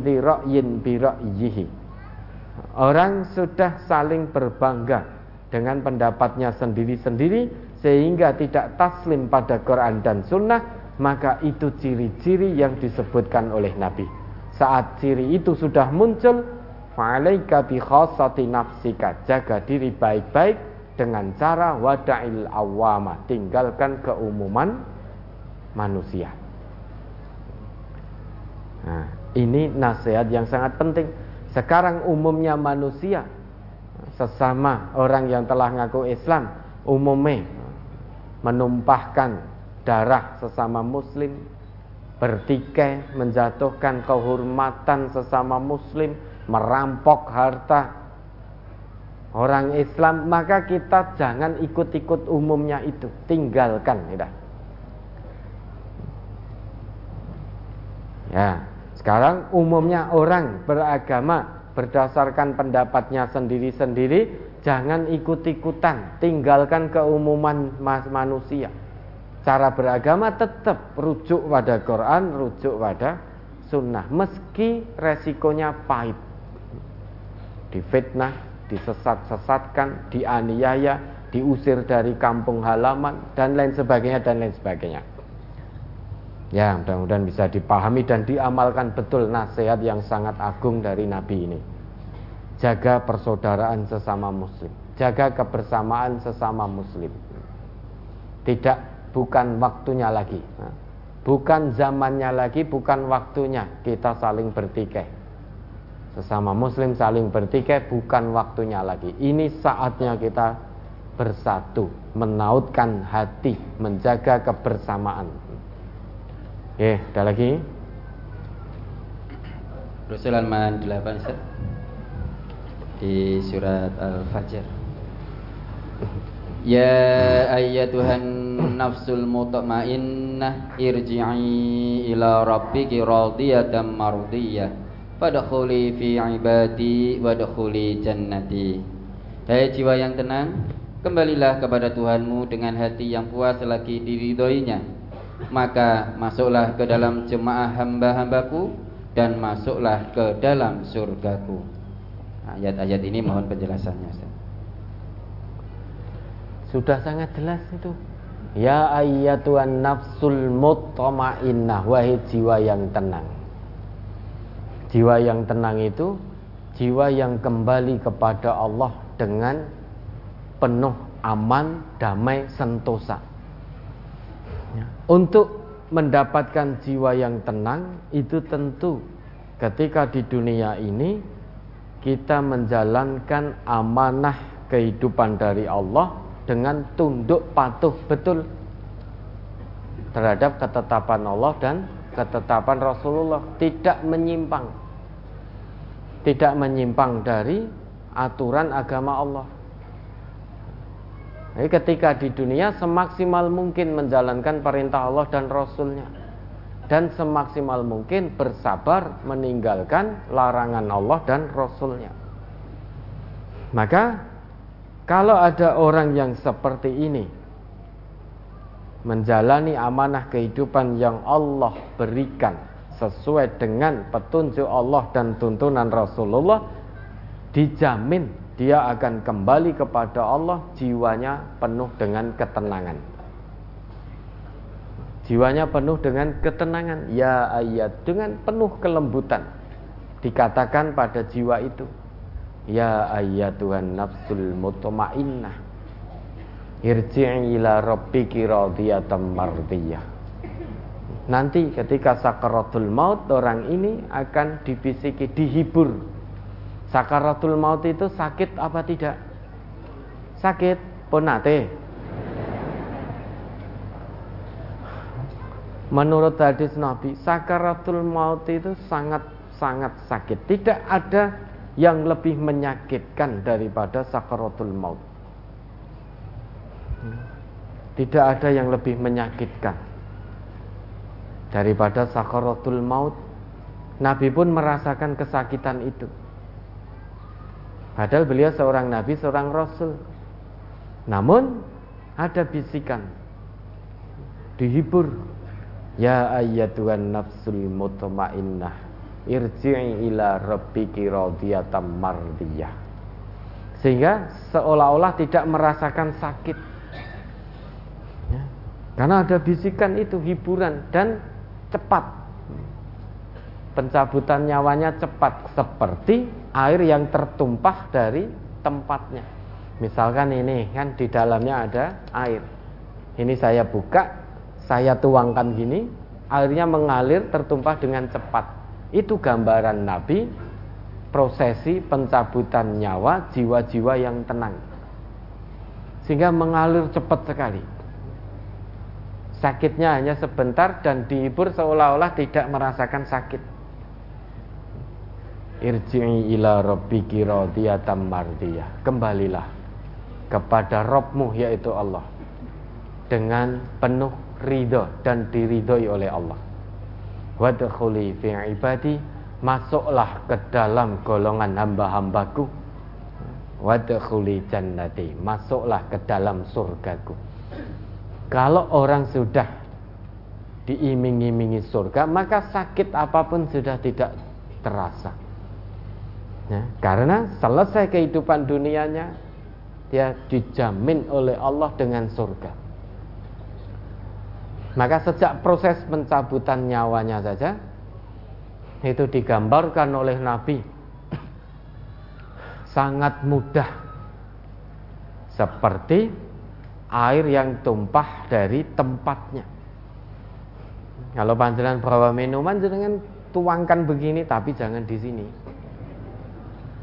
Gitu. Itu air akan mengalir dengan cepat sekali. Nah, gambarannya seperti itu. Beda dengan orang yang durhaka ketika hidup di dunia. Durhaka kepada Allah, durhaka kepada Rasulullah. Sejak awal proses di dunianya saja, proses pencabutan nyawanya saja sudah disiksa. Digambarkan dalam sabda Nabi, dalam hadis Nabi, terlepasnya nyawa orang durhaka itu ibarat kita tancapkan besi kemudian besinya itu samping kanan kirinya itu ceringih-ceringih begitu perso nggih ceringih-ceringih apa ya bahasa Indonesia ini apa ini ceringih-ceringih runcing-runcing wah kalau dengan bahasa Indonesia kurang mengena ya bergerigi. Bergerigi ya. Ada besi bergerigi. Di samping kanan kirinya mubeng begitu tancapkan di kain bol yang basah kemudian setelah itu dicabut diangkat itu. Kira-kira bisa lepas atau ada sing katut? Ini gambaran dari Nabi. Hei besi ini bergerigi lincip-lincip gitu. Samping kanan kirinya mubeng begitu. Kemudian ada bol yang basah jenengan tancapkan itu plek gini. Kemudian jenengan angkat ke atas. Kira-kira bolnya tadi katut tidak? Katut di yang runcing-runcing tadi. Begitu katut lebok nih meneh. Ya toh? Biar ujul wangkat meneh ujik katut masukkan lagi. Terus diuplok uplok uplok uplok diangkat lagi ini loh kok cek katut? Masukkan lagi. Itu gambarannya seperti itu. Sehingga orang pendurhaka itu pendurhaka ketika di dunia sejak proses pencabutan nyawanya saja sudah sangat mengerikan maka jangan kepingin. Seneng di dunia hanya sementara mengikuti hawa nafsu. Saat sedang seneng-seneng tiba-tiba didatangi malaikat maut dicabut nyawanya pencabutannya saja prosesnya menyakitkan seperti itu. Bergerigi tancapkan dalam bol yang basah diangkat kembali masih katut balik lagi angkat lagi masih katut balik lagi sehingga sampai terlepas.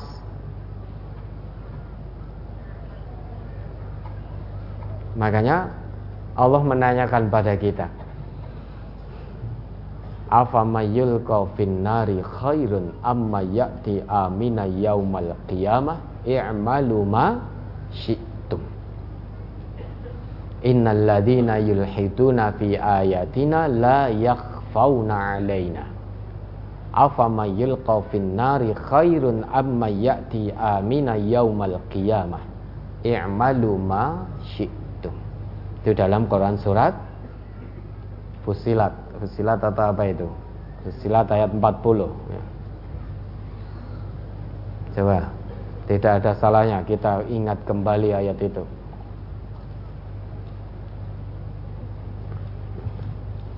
Surat ke-41 Surat Fusilat surat ke-41 ayat 40 Innal ladzina yulhiduna fi ayatina la yakhfauna alaina afaman yulqa fin nari khairun amman ya'ti aminan yaumal qiyamah. I'malu ma syi'tum innahu bima ta'maluna basir Sesungguhnya orang-orang yang mengingkari ayat-ayat kami mereka tidak tersembunyi dari kami. Maka apakah orang-orang yang dilemparkan ke dalam neraka lebih baik? Ataukah orang-orang yang datang dengan aman sentosa pada hari kiamat? Perbuatlah apa yang kamu kehendaki. Sesungguhnya dia maha melihat apa yang kamu kerjakan.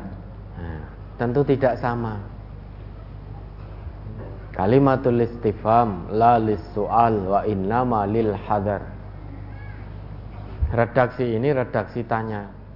Namun Allah dengan redaksi tanya ini Tidak butuh jawaban dari manusia.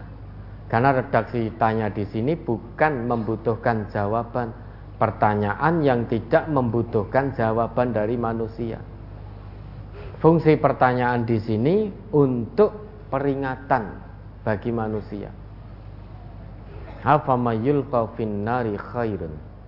Apakah orang yang diseret dilempar ke dalam api neraka itu lebih baik? Amma ya'ti amina yaumal atau orang yang datang kepada Allah dengan jiwa tenang, damai, sentosa itu yang lebih baik?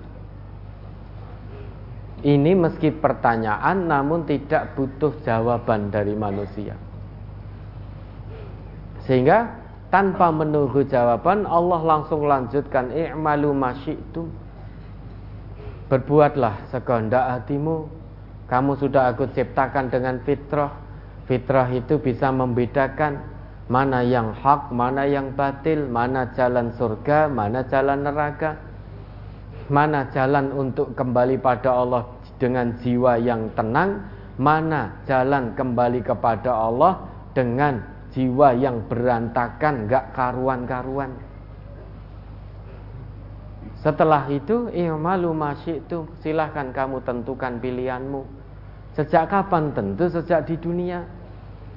Kalau ingin kembali kepada Allah dengan jiwa yang tenang, damai, sentosa, dianggap mas, sebagai hamba Allah dan dijanjikan oleh Allah dengan surganya, maka tempuhlah jalan itu dengan penuh kesungguhan, kesabaran, pengorbanan dan istiqomah sampai akhir hayat. Namun kalau memilih kembali kepada Allah dengan jiwa yang berantakan, gak karuan-karuan, sengsara, binasa, menderita selama-lamanya, silahkan tempuh jalan itu dengan kesenangan-kesenangan yang ada. Sak puas-puasmu. Allah mengetahui apa yang kita lakukan. Maka kita diperintah oleh Allah, diberi tawaran oleh Allah suruh milih, milih sing endi. Kembali pada Allah dengan jiwa yang tenang. Di dunia diberi kebahagiaan, dijaga oleh Allah. Ketika mau meninggalkan dunia saja, proses pencabutan nyawanya berlangsung begitu cepat. Meski sakit, namun ada hiburan. Bisikan dari malaikat bahwasanya wahai jiwa yang tenang dihibur oleh malaikat. Ada kabar gembira dari Allah melalui ini ya ayatuhan nafsul mutmainnah. Pencabutannya cepat seperti air yang tertumpah dari tempatnya. Kalau para penduraka, orang yang memilih jalan kesesatan, jalan ke neraka, meski pada awalnya senang di dunia, namun kesenangannya menipu, tidak abadi kesenangannya semu pasti akan ditinggalkan. Apakah dikira tenang hatinya? Tidak tenang. Orang yang tertipu oleh dunia sekalipun punya banyak uang, hatinya tidak tenang, gelisah, nggak karuan. Sesudah itu saat bersenang-senang datang kematian sebagai azab dari Allah. Prosesi pencabutan nyawanya saja digambarkan sangat menyakitkan. Tarik balik ke, tarik balik ke. Enggak selesai-selesai. Begitu selesai, masuk ke alam barzah. Di alam barzah mendapat siksaan yang bertubi-tubi. Sehingga tidak sabar kapan akan dibangkitkan dari alam barzah ini. Dikiranya kalau sudah dibangkitkan maka akan selesai siksaannya. Ternyata begitu betul datang hari kiamat. Mereka para penduraka dibangkitkan oleh Allah. Ternyata jadi plin-plan. Pilih neng alam barzah. Man ba'asana min marqadina hadha. Siapa yang membangkitkan kami dari tempat tidur kami ini? Wes aku tak pilih disiksa di sini saja daripada dibangkitkan dipindah ke neraka. Lebih menyengsarakan lagi maka di antara dua kesengsaraan, para penduraka tetap milih terus di situ di alam barzah. Meski ini sengsara tidak kuat bertubi-tubi siksaan yang akan diterima, namun ternyata setelah dibangkitkan neraka lebih menyengsarakan lagi. Di antara dua siksaan yang menyengsarakan, mereka memilih yang lebih kecil sengsaranya, padahal semuanya sangat sengsara. Namun alam barzah dibandingkan neraka jelas neraka lebih menyakitkan. Meskipun alam barzah juga sangat menyakitkan bagi para penduraka. Tapi bagi orang-orang yang taat kepada Allah, kembali pada Allah dengan jiwa yang tenang, saat masa penantian di alam barzah itu tidurnya seperti tidurnya pengantin, baru ngerti-ngerti esok, ngerti-ngerti kiamat ngerti-ngerti kiamat dibangkitkan untuk dipindah kepada kenikmatan yang lebih nikmat. Ya, lebih nikmat. Di alam barzah sudah mendapatkan surahan nikmat, mendapatkan luas kuburnya, terang cahayanya. Tiba-tiba dibangkitkan untuk dipindahkan ke surga maka kesudahannya nikmat. Di dunia mungkin sedikit sengsara, namun jika terus bersabar, dia akan kembali pada Allah dengan jiwa yang tenang. Dan sekarang harus tanamkan kuat-kuat dalam hati kita. Orang taat pada Allah pasti mati dan kembali kepada Allah. Orang durhaka kepada Allah di dunia ini juga pasti mati dan pasti kembali kepada Allah. Yang membedakan orang taat kembali kepada Allah dengan jiwa yang tenang, kembali ke surganya Allah sebagai kampung halamannya yang abadi. Orang durhaka dia akan kembali kepada Allah menuju nerakanya Allah sebagai tempat kediamannya yang abadi dan tidak akan pernah keluar dari situ lagi. Nah, ini tanamkan dalam hati kita dunia ini hanya sementara dan menipu pasti akan kita tinggalkan. Pasti, tidak bisa tidak. Kalau sudah meninggal, sudah meninggal ya sudah. Semua kesenangan dunia, apa pun yang kita cintai di dunia pasti kita tinggalkan. Keluarga, anak istri, suami, orang tua, anak, kerabat, handai tolan, pekerjaan, harta, benda, rumah, mobil, uang, semuanya kita tinggalkan. Nah, maka silakan dipilih. Pilih kembali dengan jiwa yang tenang atau jiwa yang berantakan gak karuan-karuan. Silahkan dipilih dan pasti hari itu nanti terjadi. Pasti akan terjadi. Tidak bisa tidak. Ya, mudah-mudahan bisa dipahami. Ada lagi? Berkaitan dengan brosur. Bagaimana cara agar kita terhindar dari sifat sombong? Karena banyak di antara manusia berbicara dengan pembicaraan yang tanpa didasari telah berbuat sombong dan berperilaku sombong tanpa disadari telah berperilaku sombong. Dan ini pernah terjadi kepada diri saya pribadi. Selang beberapa waktu saya tersadar bahwa saya berlaku sombong Kemudian saya beristighfar.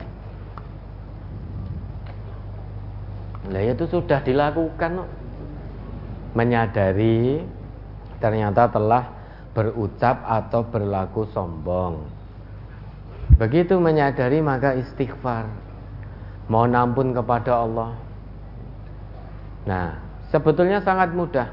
Bagaimana biar terhindar dari sifat maupun ucapan sombong sangat mudah. Bagaimana jalan keluarnya? Ya jangan sombong. Ya, jangan sombong baik ucapan maupun perbuatan. Berjalan di atas muka bumi ini dengan penuh tawaduk, rendah hati. Wa ibadur rahman alladzina yamshuna 'alal ardi hauna. Wa idza khatabahumul jahilun qalu salama. Coba ingat kembali itu. Surat apa? Al-Furqan ya. Al-Furqan ayat 25 atau 65 itu. Surat Al-Furqan ayat 63. Oh, 63 ya. Surat Al-Furqan surat ke-25 ayat 63 rahmanil ladzina yamshuna 'alal ardi hauna wa idza khatabahumul jahiluna qalu salama.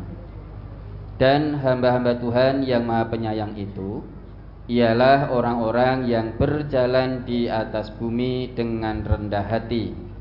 Dan apabila orang-orang jahil menyapa mereka mereka mengucapkan kata-kata yang baik. Nah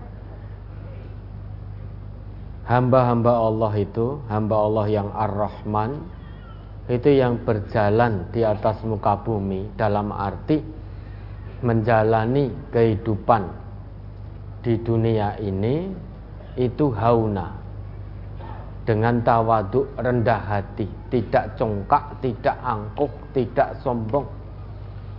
Apa pun kedudukan sosialnya, sebanyak apa pun harta kekayaannya, apa pun profesinya. Tetap dia akan berjalan menjalani amanah kehidupan dari Allah dengan rendah hati tawadhu. Karena dia ingin menjadi hamba-hamba Allah yang ar-Rahman. Hamba Allah yang maha pengasih. Ingin mendapat setempel dari Allah dicap sebagai hamba Allah maka kalau ada orang yang menjalani hidup di dunia dengan kesombongan, berarti dia bukan hamba Allah. Tidak berhak mendapatkan status sebagai hamba Allah. Karena tujuan manusia diciptakan oleh Allah hanya untuk menghambakan diri kepada Allah. Saat manusia keluar dari apa yang menjadi ketetapan Allah dan Rasulnya, saat itulah manusia keluar dari status kehambaannya. Allah dan Rasul perintahkan kita tawadu, rendah hati pada siapa pun. Kalau kemudian kita sombong, merasa lebih, maka saat itu kita keluar dari status kehambaan kita kepada Allah. Tidak dianggap sebagai hamba Allah lagi. Ya, maka hati-hati. Ketika mau berucap, direnungkan dulu. Ucapannya ini ada unsur kesombongan, menyakiti orang lain atau tidak. Inna lisanal mu'min min warai qalbih Sesungguhnya perkataan seorang mukmin itu dilandasi, di, berasal atau dilatar belakangi dari apa yang ada dalam hatinya. Sehingga tidak mungkin kalau hati seorang mukmin tawaduk kemudian dari lesannya keluar kalimat-kalimat sombong mustahil. Mustahil. Kalau dari seorang muslim dari lesannya keluar kata-kata penuh dengan kesombongan aku nek aku ra iso iki umpama dudu aku mbuh dadine apa ini gara-gara aku. Maka jadi selesai semua urusan. Gara-gara aku sing ngisi pengajian jadi mudah dipahami. Sombong ini. Meski sedang ngisi pengajian. Menyampaikan Quran menyampaikan sunnah. Namun dari lesannya keluar itu karena yang ngisi saya. Pak atau Fulan atau Ustadz kemarin Alhamdulillah semua paham dan mengamalkan sekarang berbondong-bondong Alhamdulillah saya tidak bermaksud sombong loh ya saya ini demi Allah bukan untuk tujuan sombong. Saya lillahi ta'ala. Itu sebabnya karena yang ngisi saya kemarin. Biar coba. Kalimatnya ini loh. Ini demi Allah sungguh saya tidak bermaksud sombong, tidak bermaksud ujub, riak, sum'ah. Namun ya karena kemarin yang ngisi saya. Sehingga mudah dipahami dan diamalkan. Coba kalau yang ngisi yang lain, bulat-bulat muter-muter nggak mudengke. Sombong tidak seperti ini? Sombong. Kalau keluar lesan seperti itu ketahuilah. Sebetulnya hatinya yang mengatakan itu karena lisan al inna lisan al mu'min min warai qalbi perkataan seorang mukmin dilandasi apa yang ada dalam hatinya apa yang dalam hatinya keluar dalam lesannya. Maka orang yang betul-betul beriman yang keluar dari lesannya tidak menyelisih yang ada dalam hatinya. Sehingga kalau hatinya betul-betul beriman kepada Allah, mustahil keluar dari lesannya kalimat-kalimat bernada sombong. Mustahil. Kalau itu yang keluar, ketahuilah itu perkataan orang munafik Wa inna qalbal munafiki min warai lisanihi. Sesungguhnya hati munafik itu berasal dari lesannya. Sehingga apa yang keluar dari lesannya itu yang ada dalam hatinya. Maka kalau ada orang ngaku Islam, kemudian dari lesannya keluar kata-kata sombong dalam hal apa pun, ketahuilah jerone hati niki yo ngono kuwi. Orang mukmin betul diukur dari lesannya. Kalau lesannya keluar baik, hatinya ya begitu baik. Orang yang orang mukmin hatinya betul-betul beriman tidak mungkin keluar dari lesannya perkataan yang tidak baik. Termasuk perkataan sombong mustahil. Perbuatan sombong mustahil. Kalau hatinya penuh dengan keimanan. Kalau orang munafik lesannya, apa yang keluar dari lesannya. Kalau dia sombong, ya hatinya juga ada kesombongan. Itu perkataan orang munafik, sombong, menipu, perkataan yang tidak baik, mencaci, memaki. Yang keluar dari lesannya seperti itu, itu gambaran apa yang ada dalam hatinya. Maka qalbul qalbul munafik min warai lisanihi hati orang munafik itu berasal dari lesannya. Kalau hati atau perkataan orang mukmin berasal dari hatinya, maka tidak mungkin orang yang hatinya betul-betul beriman kepada Allah kok mengatakan perkataan yang tidak baik. Orang yang hatinya penuh keimanan kepada Allah, yang keluar dari lesannya pasti perkataan yang baik. Kalau hati ini ada kemunafikan yang keluar dari kelesan tentang hal-hal yang tidak baik termasuk sombong. Maka orang yang beriman itu sebelum berbicara tadab barohu fi nafsihi. Seorang yang beriman itu idza takallama bi kalamin barohu fi nafsihi fa in kana khairan abdahu wa in kana syarran warahu Orang yang beriman itu cirinya ketika dia mau berbicara atau mau berbuat dia merenung dulu. Dia berpikir dulu. Kalau sekiranya ucapan itu baik, perbuatan itu baik, abdahu, maka dia lanjutkan. Namun jika sekiranya perbuatan atau ucapan yang akan dilakukannya itu berdampak buruk dan satu keburukan, misalkan menunjukkan satu kesombongan, maka warohu dia tahan, tidak jadi meneruskan, tidak jadi melanjutkan, tidak jadi mengucapkan, tidak jadi melakukan. Terus begitu sampai akhir hayatnya. Nah, biar tidak sombong, begitu kita menyadari ternyata ucapan kita mengandung kesombongan, perbuatan mengandung kesombongan, istighfar mohon ampun kepada Allah. Nabi, seorang rasul, kekasih Allah, utusan Allah. Dalam sehari berapa kali beliau mohon ampun pada Allah? Seratus kali. Ya ayuhan nas, tubu ilallah. Fa inni atubu fil yaumi ilaihi mi'ata marrah Wahai segenap manusia, bertobatlah kepada Allah. Karena sesungguhnya aku yaitu Nabi bertobat mohon ampun dengan cara mohon ampun kepada Allah dalam sehari seratus kali. Itu sedikitnya. Beliau ini Nabi, Rasul, surganya jelas berada di puncak tertinggi. Tidak ada kita kok apa namanya berada di puncak tertinggi kalau tidak mengikuti Nabi itu tidak mungkin.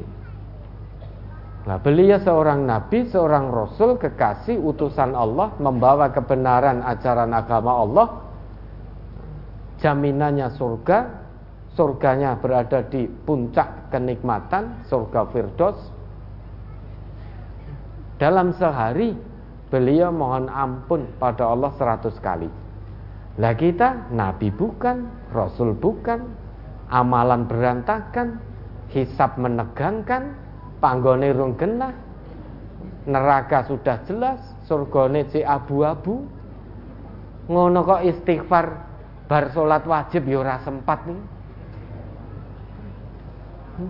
Habis salat wajib kok ya ora sempat mung ping telu mak kelepat gitu ngono kok inginnya di surga bersama Nabi dan Rasul para suhada para orang-orang sidikin orang soleh. Pengennya surga Firdos piye kan ya maka paksa diri untuk tidak sombong. Sekalipun punya kekayaan paksa diri. Jangan mamerkan kekayaan. Wes ora usah dicerita-cerita nih kekayaannya. Tidak usah diceritakan-ceritakan. Karena kalau tidak bisa hati-hati, mengikuti bujuk rayu setan sehingga muncul kesombongan. Kalau sedikit saja, sebesar darah dalam hati kita, ada sifat sombong, kata Nabi kita, apa? La yadkhulul jannah man kana fi qalbihi mithqalu dzarratin min kibrin tidak akan masuk surga. Man kana man itu siapa pun.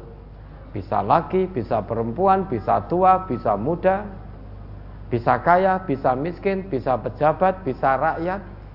Man ini siapa pun.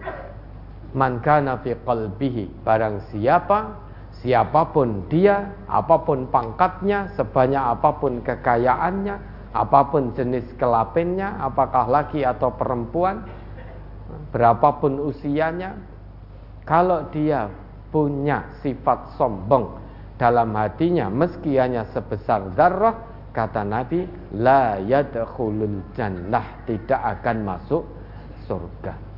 Sombong itu biasanya untuk apa? Kepuasan hawa nafsu untuk menunjukkan bahwa aku ini loh aku ini loh kekuatanku seperti ini loh. Pengaruhku seperti ini loh. Kekuasaanku seperti ini loh. Kekayaanku seperti ini loh. Mobilku seperti ini loh. Rumahku seperti ini loh. Loh iki loh aku. Ya untuk menunjukkan kepuasan biar dihormati oleh orang lain. Mendapat penghormatan semua kok seneng. Kan dengan begitu memaksa orang lain untuk menghormati memaksa orang lain untuk munduk-munduknya nek munduk-munduk tak kayak duitnya. Itu kan memaksa mendapatkan kehormatan dari orang lain dengan memaksa. Berarti itu kan semu. Kalau jatuh miskin orang tidak melihat lagi. Kalau sudah tidak punya kekuatan tidak punya jabatan orang tidak melihat lagi. Contohnya sekarang panjenengan tadi ke sini berjalan misalkan di lalu di jalan raya ada polisi yang masih aktif dengan seragam menghentikan jenengan, jenengan pasti berhenti. Tapi nanti kalau sudah pensiun, menghentikan jenengan semprat semprit semprat semprit, boten digagas lagi. Tidak digagas lagi. Kalau sudah pensiun. Kalau itu menghendaki kehormatan dengan pemaksaan ya terjadinya seperti itu. Begitu sudah pensiun tidak bisa lagi.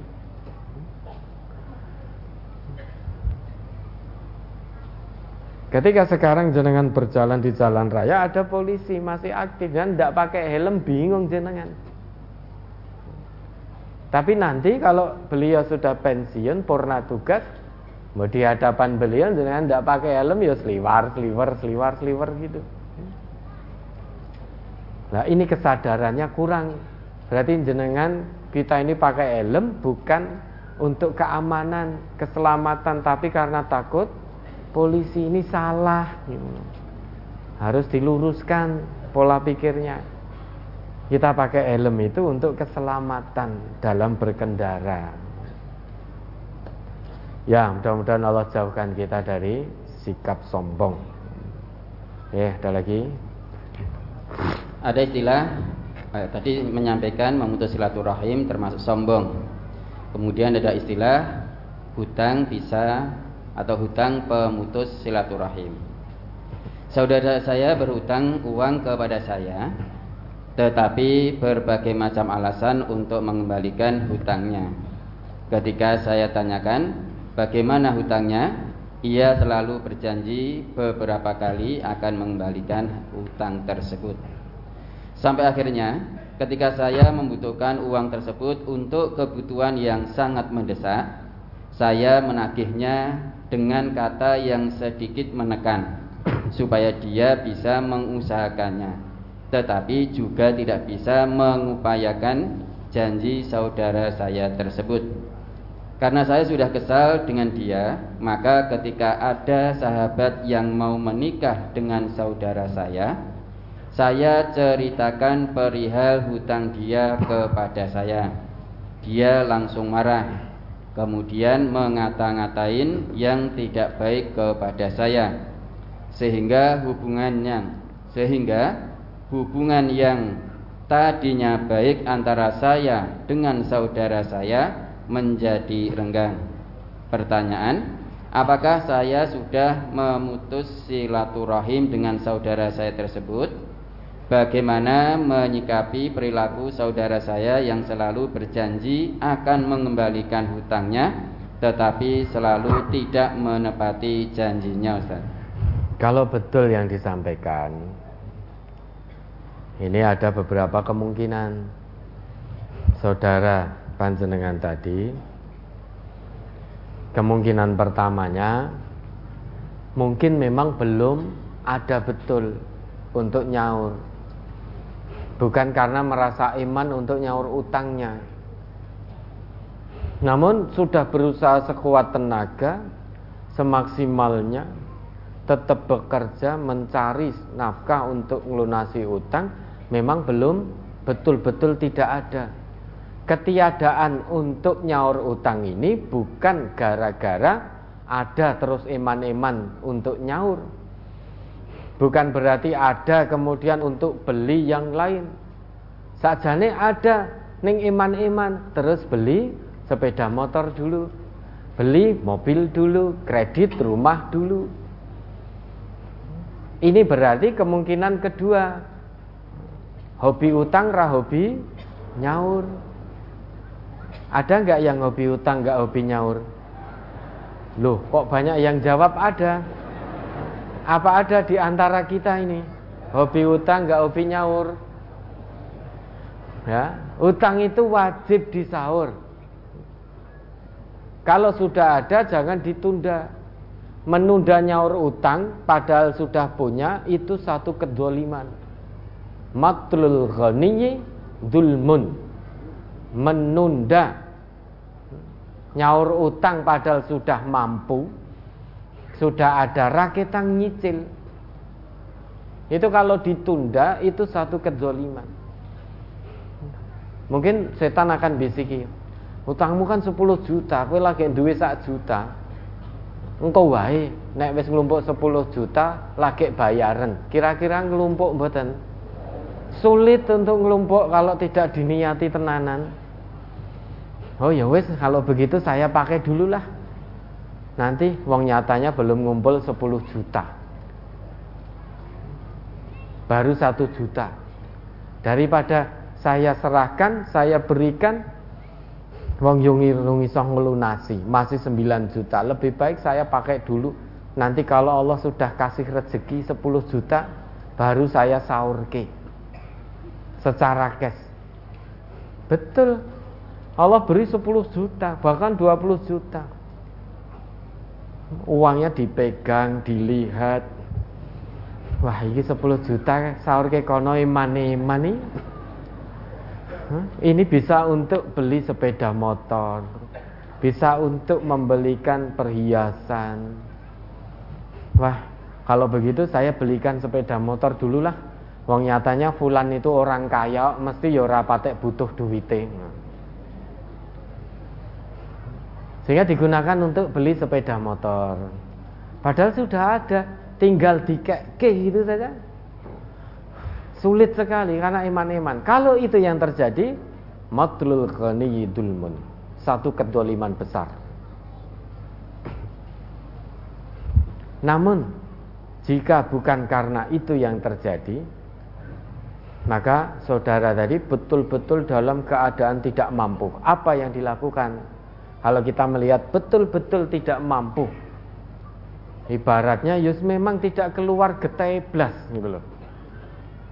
Untuk kebutuhan makan diri dan keluarganya yang sewajarnya saja, itu kesulitan, apalagi untuk nyaur utang. Kebutuhan makan yang sewajarnya loh ya, bukan kebutuhan makan menurut selera. Wah ini saya untuk nyaur utang belum bisa, karena ini untuk kebutuhan makan, saya makan pagi seafood, cumi-cumi, kerang. Kemudian kepiting.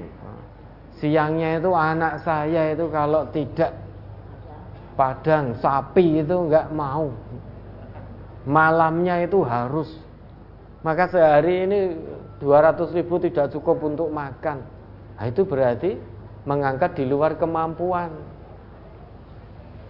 Nah itu beda ceritanya. Kalau itu terjadi juga dolim. Nah, namun jika betul-betul untuk makan sewajarnya sehari-hari saja susah, betul-betul tidak punya kewajiban kita sebagai saudara muslim, apa yang harus dilakukan? Fanadiratun ila maisaroh. Beri tangguh sampai yang hutang tadi punya kelapangan. Punya kelonggaran untuk mengembalikan, beri tangguh lagi. Dengan kita memberi tangguh maka dapat kebaikan di sisi Allah. Akan lebih baik lagi wa anta saddaku khairal lakum in kuntum ta'lamun wa anta saddaku khairul lakum in kuntum ta'lamun. Kamu sedekahkan, ikhlaskan sebagian dari utangnya atau semuanya itu lebih utama, lebih baik jika kamu mengetahui ayat ini jangan digunakan senjata bagi orang yang hobi hutang nggak hobi nyaur. Terus tiba-tiba datang pada orang yang ngutangi. Coba dibuka ini Quran surat Al-Baqarah ini. Masa kamu tidak menginginkan kebaikan di sisi Allah? Padahal kita sebagai hamba Allah yang beriman, jelas kita sangat menginginkan kebaikan dari Allah. Nah, kalau kamu ingin mendapatkan kebaikan, ayo sedekahkan paling tidak separuh lah hutangku. Dari 10 juta, 5 jutanya ikhlaskan ya. Kalau kamu tidak mengikhlaskan berarti nggak dapat kebaikan di sisi Allah. Loh, yang ngutangi tadi memberikan tangguh dan sudah mengutangi itu juga kebaikan. Meringankan beban saudaranya. Kalau kita sudah diringankan beban kita oleh saudara kita, maka jangan memberatkan saat nyaur-nyaur sudah. Kalau sudah ada. Jangan lantas menjadikan ayat sebagai senjata. Oh berarti fulan nagih saya berarti tidak menginginkan kebaikan. Fulan mengingatkan utang saya ini berarti tidak menginginkan kebaikan. Kalau menging, kalau ingin dapat kebaikan di sisi Allah, katanya ingin masuk surga. Lah kok ora gelem ngikhlas ke? Mungkin kalau 100 200 ribu ya mudahlah diikhlaskan. Tapi nek 100 juta, 200 juta. Jane saya ya harus ngikhlas ning piye. Nominalnya semakin besar, semakin sulit untuk ikhlas. Lah kemudian wis ini enggak nyaur-nyaur wis nek ngono ya wis lah. Tak ikhlaske. Ya wis lah tak ikhlaske begitu dibayar ditompo. Apa yang dilakukan? Apakah memutus silaturahim? Kalau memang saat ini saling mendiamkan, jenengan datang minta maaf telah menceritakan aib itu. Ya. Menceritakan aib. Ini beda tipis antara menceritakan aib dan memberitahu orang lain agar berhati-hati. Nah, ini yang mana? Karena juga penting kalau ada orang yang hobinya utang gak hobi nyaur, hutang sini, hutang pada A tidak nyaur. Tidak mungkin untuk utang lagi. Hutang pada B tidak nyaur lagi, utang pada C sampai Z. Maka penting kita untuk memberitahu kalau fulan nanti mau hutang alasannya untuk ini ini itu ternyata tidak pas alasannya karena Dulu hutang ke saya alasannya juga itu. Alasannya uangnya jatuh lah. Alasannya kemalingan lah. Alasannya anaknya sakit di rumah sakit lah. Maka itu sebagai wujud kehati-hatian. Namun kalau hutangnya hanya pada jenengan saja, jaga tutup rapat. Jangan disebar-sebarkan. Bisa jadi Fulan tadi memang betul-betul belum punya. Kalau belum punya, beri tangguh sampai dia punya. Atau ikhlaskan sebagian atau semuanya. Itu lebih utama di hadapan Allah. Ya. Lah, kalau ternyata sekarang saling berdiam, saling mendiamkan, gara-gara tadi jenengan bercerita, datang di sopo aruh, mohon maaf Sesudah itu minta kepastian waktu lagi. Ya sudah, ini kalau begitu kira-kira kapan? saudara mau mengembalikan satu bulan lagi ya. Tanggal berapa? Oh nanti tanggal 1 Agustus 2022. Ini sebagai janji ya. Nah, minta kepastian waktu lagi. Maka kita orang yang hutang ini tahulah berterima kasih dulu saat kita butuh kita merajuk-rajuk, merayu-rayu pada saudara kita. Bahkan sehari mungkin kita bisa telepon, bisa WA 5 sampai berkali-kali. Supaya apa? Supaya biar segera cair. Ya isi WA-nya menanyakan kabar, mendoakan ini itu ini itu. Begitu cair hmm, sudah lupa. Masih terkadang tanya kabar, hanya sekali sehari, lama-lama lupa. Apalagi tanya kabar terus dibalas Alhamdulillah kabar baik. Terima kasih perhatiannya. Mudah-mudahan demikian juga dengan panjenengan. Kira-kira By the way Omong-omong Kinten-kinten niki sakit Mangsul ke kapan? Terus renek jawaban. Gitu? Nggak ada jawaban. Lama-lama Ganti nomor ditagih, didatangi marah-marah, tak sahur tak sahur, mosok ora percaya karo aku. Lah sudah berapa kali melinjani? Masa kita suruh percaya? Oleh karenanya yang punya punya hutang ini kalau sudah ada segera disahur. Saudara kita yang meminjami kita itu bukan berarti turah duit dan tidak butuh terhadap uang itu. Namun kebutuhannya nanti mungkin belakangan sehingga uang yang ada itu dipinjamkan dulu pada saudaranya yang kebutuhannya mendesak. Nah nanti sebulan berikutnya giliran dirinya yang butuh. Dan yang utang tadi juga janji sebulan berikutnya akan diangsur, akan dikembalikan. Maka kembalikan usaha maksimal. Jangan berusaha nembung utangi namun tidak mau berusaha untuk mengembalikan. Kalau sudah ada ditunda-tunda itu satu kedoliman yang nyata. Orang yang dolim dimurka oleh Allah. Dan hutang bisa menjadi penghalang surga. Karena hutang ini bukan urusan kita dengan Allah, namun urusan kita dengan sesama manusia. Kalau kesalahan kita pada Allah, kita mohon ampun, Allah terima permohonan ampun kita, selesai. Namun ini urusan dengan manusia, selama manusianya belum mengikhlaskan, selama itu akan menjadi penghalang surga kita. Meskipun hutangnya cilik, kecil, tidak harus besar. Meski hanya utang seribu rupiah, kalau memang belum dilunasi, seribu rupiah ini menjadi penghalang surga. Maka kalau seribu ini jaluk, wae. Karena orang seribu itu nyilih sih, ditmu sewu. Sewu rupiah maksudnya bukan sewu zaman sekarang. Kalau seribu zaman sekarang itu berarti satu juta.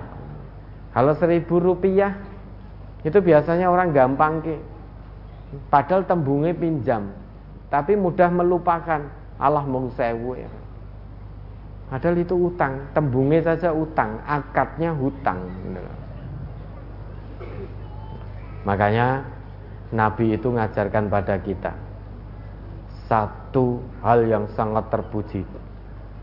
Bahwasanya beliau nabi ini karena Rasulullah yad'u fis salati yaqulu Allahumma inni a'udzubika minal ma'sam wal mahram adalah Rasulullah beliau senantiasa berdoa dalam solat beliau. Ya Allah aku berlindung kepadamu dari perbuatan dosa dan mahram dari hutang Kemudian ada orang yang bertanya pada Nabi, Ma aksaro ma tasta'idu minal maghram ya Rasulullah. Ma aksaro ma tasta'idu ya Rasulullah minal maghram. Alangkah seringnya, alangkah banyaknya engkau memohon perlindungan dari hutang wahai Rasulullah. Jawab Nabi kita apa? Innar rajula idza gharima haddasa faqadabah wa wa'ada fa akhlafa. Karena sesungguhnya seseorang itu apabila dia berhutang, maka ada potensi kalau dia bicara dia akan bohong. Kalau dia berjanji dia akan khianat. Berjanji, bicara engkau bulan depan tak sahur. Ternyata tidak. Di samping bohong dalam pembicaraan, khianat terhadap janji yang sudah diucapkan. Padahal perintah Allah wa aufu bil ahdi. Penuhilah janji-janjimu. Innal ahda kana mas'ula. Karena sesungguhnya janji itu akan dimintai pertanggungjawaban di hadapan Allah. Maka Nabi mengajarkan agar kita memohon perlindungan kepada Allah sesering mungkin dari yang namanya hutang. Kalau nanti sudah nyaur, sudah bisa nyaur, diberi keringanan oleh Allah, diberi kemudahan oleh Allah, segera sahurkan. Kalau sudah lunas hutangnya, jangan kepingin utang lagi. Usahakan hidup tanpa hutang, hati menjadi tenang. Mati sewaktu-waktu pun, insya Allah hati tenang. Insya Allah kalau amalannya bisa membawa ke surga, surganya tidak terhalang karena hutang. Maka kalau sudah lunas, jangan kepingin hutang lagi. Biasanya orang hutang ini, nek wis arep lunas ngono wis bingung gage-gage pengen utang meneh nganyarke utang. Padahal sudah mau lunas, kenapa tidak dicoba hidup tanpa hutang? Karena waktu mati ini sewaktu-waktu. Misalkan hutang tinggal satu juta, wah nganyarke neh weh engko entuk duit 100 juta neh. Sehingga dalam genggaman 100 juta. Padahal dia tidak nganyarke hutang juga tidak masalah. Tetap bisa makan, tetap bisa minum, tetap bisa memenuhi kebutuhannya. Maka kalau sudah lunas, ya, jangan nganyarke. Usahakan hidup tanpa hutang. Hidup tanpa hutang. Hati pasti tenang. Ya, silakan nanti disambung lagi silaturahimnya itu. Jangan memulai ya, biar menjadi sebaik-baik manusia. Dan sesudah itu meminta kepastian waktu lagi. Beri kelonggaran mungkin sebulan atau dua bulan monggo lah terserah jenengan. Dengan begitu akan mendapatkan kebaikan di sisi Allah. Ya ada lagi? Pertanyaan berkaitan dengan brosur sebentar cukup saya ya Alhamdulillah ini berarti berarti sudah selesai tazkiyatun nafas dari 1 2 3 4 ya. itu kita baca kita pahami setelah itu kita amalkan. Insya Allah hati kita akan jernih. Insya Allah hati kita akan bening. Akan murni. Ya, baik selesai dari pertanyaan dari brosur. Kita lanjut pertanyaan berikutnya yang sudah tertunda. Maka saat Pertanyaan di tanggal 25 Desember 2021 Ustaz.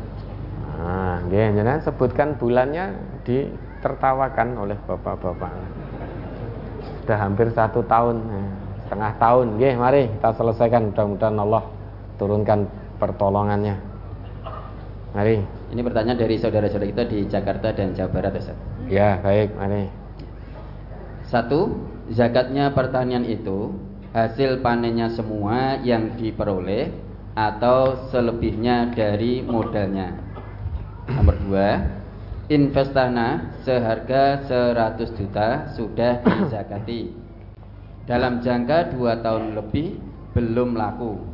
Apakah zakatnya per tahun atau zakatnya keuntungannya saja? Ketiga emas batangan 5 gram yang disimpan. Zakatnya cukup sekali atau per tahun saja yang pertama kalau memang bapak atau ibu itu memang punya tanah, kemudian tanah itu digunakan untuk pertanian, maka nanti setiap kali panen dari hasil panennya itu, kalau tanamannya itu diairi dengan air hujan, maka 10% dari bruto dari hasil kotor. Jadi begitu panen, kalau itu dari air hujan, maka keluarkan zakatnya 10%. Kemudian kalau itu pengairannya diairi dengan tenaga manusia, berapa persen? 5 persen. 5 persen dari hasil kotornya, maka setiap panen keluarkan 5 persen. Itu yang pertama. Kemudian yang kedua, kalau memang panjenengan berbisnis dalam hal pertanahan, kalau tanah itu memang untuk investasi yang panjenengan per, apa, jual belikan, ditawarkan setiap waktu, maka tanah itu qabilul nama punya potensi untuk berkembang. Karena harga tanah ini normalnya setiap tahun naik harga tanah. Kalau memang itu tanah untuk jual beli, karena memang usaha jenengan maisahnya jual beli tanah, maka tanah yang demikian itu qabil lin nama, qabilun lin nama, potensi untuk berkembang. Sehingga di setiap tahunnya harga naik, harga naik, harga naik. Sehingga keuntungan naik. Kalau demikian, maka per tahun keluarkan zakatnya. Karena harga setiap tahun naik. Itu kalau tanah untuk diperjualbelikan, bukan tanah untuk kita diami. Kalau tanah untuk kita tinggali, maka tidak mengeluarkan zakatnya. Hanya pas beli, keluarkan zakat. Kita mau beli tanah, keluarkan zakatnya. Ya, sesudah kita tinggali, monggo pilihan mau keluarkan tiap tahun atau tidak silahkan. Namun kalau itu tanah menjadi investasi kita, setiap tahun itu naik harganya. Maka kalau itu naik, keluarkan zakatnya. Kalau harganya tidak naik atau bahkan turun, maka tidak mengeluarkan zakat. Karena tanah itu kobil lin nama. Lah nanti keluarkan setiap tahunnya saat harga tanah itu naik. Saat tidak ya sudah tidak. Apalagi kalau sampai rugi. Itu yang kedua. Ini nanti mungkin akan ada yang membanding-bandingkan juga. Seperti pertanyaan kicau burung kemarin. Banyak yang memprotes. Kita burung hadiahnya dari uang pendaftaran. Katanya itu uang pembinaan. Ya. Kalau kicau burung atau lomba di hadiahnya dari uang pendaftaran itu potensi judi. Karena judi itu kemungkinannya hanya ada dua kimar itu atau maisir. Ayakuna kullu wahidin akhidan au mu'tiyan. Setiap individu hanya ada dua kemungkinan kalau tidak mengambil atau mem memberi kalau dia menang dia akan mengambil kalau dia kalah dia terpaksa memberi sehingga ada yang diuntungkan ada yang dirugikan Terus kemudian ini sudah menjadi maisah, tidak mungkin Allah tidak berikan jalan keluarnya. Ini karena banyak WA yang masuk, maka sekaligus saya jawab di sini biar tidak menjawab WA satu persatu. Kalau kita mau mengadakan perlombaan memungut uang pendaftaran, hadiahnya jangan diambilkan dari uang pendaftaran, dari tempat lain, dari hal lain, dari usaha lain. Nah, uang pendaftaran itu kita gunakan untuk kepentingan lomba. Kalau kicau burung ya dengan sewa lahannya, kemudian membayar jurinya, kemudian apanya, snack-snacknya, mungkin kaos dan lain sebagainya. Kalau itu kita mau jadi panitia, jangan terus kemudian kita punya komunitas Yuk ini gantang, oh, gantang, istilahnya gantang. Nyantol kayak burung itu. Untuk dilombakan masing-masing yuk 50 ribuan di kelompok ke. Nah, nanti sing menang juara 1 2 3 4 5 sampai 10 dapat hadiah. Juara 1 mungkin 1 juta, juara 2 750, juara 3 500. Yang tidak juara tidak dapat. Jika uang 50 ribuan urunan pendaftaran kumpulkan jadi satu. Kemudian setelah itu yang juara diambilkan dari uang pendaftaran ini. Ini ada potensi judi. Yang kalah tadi terpaksa kehilangan. Bagaimana kemudian hijrah? Kalau kita hijrah mencari rezeki secara halal, tidak mungkin tidak Allah tunjukkan jalan keluarnya. Wong kata Allah, "Wa may yattaqillah yaj'al lahu makhraja wa yarzuqhu min haitsu la yahtasib wa may yatawakkal 'ala Allah fahuwa hasbuh nanti bisa dibuka yang tanya-tanya melalui WA bisa dibuka Quran surat At-Tolak akhir ayat 2 sampai ayat 3 Barang siapa yang bertakwa kepada Allah tidak mungkin Allah tidak berikan jalan keluar Kata Allah ya ja'allahu makhraja. Makhraj di situ nakiroh, masih umum sifatnya. Sehingga apa pun kesulitannya, kalau landasannya dia menegakkan syariat Allah, tujuan utamanya itu pasti Allah tunjukkan jalan keluar. Janji Allah itu terima, imani dulu dengan hati, jangan dengan akal. Kalau kita menerima janji Allah itu dengan akal, maka akal kita akan menolak. Kenapa? Karena selama ini kita mapan.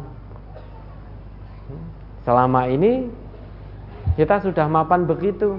Maka seolah-olah lah duh lah mulai sekongen di akal kita akan berkata seperti itu. Ini mencari nafkah mulainya dari mana lagi ini? Boleh Mulainya ya jualan, jualan tadi, burungnya tadi. Kalau memang saudara tahu lombanya itu hadiahnya dari uang perlombaan, maka tidak ikut. Namun bukan berarti tidak boleh jualan burungnya, boleh. Tetap boleh jualan.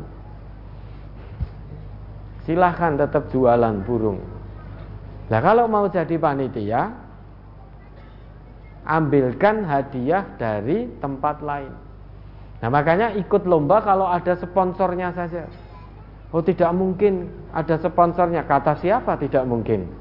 Kan banyak tau lomba kicau burung yang ada sponsornya. Itu kan banyak.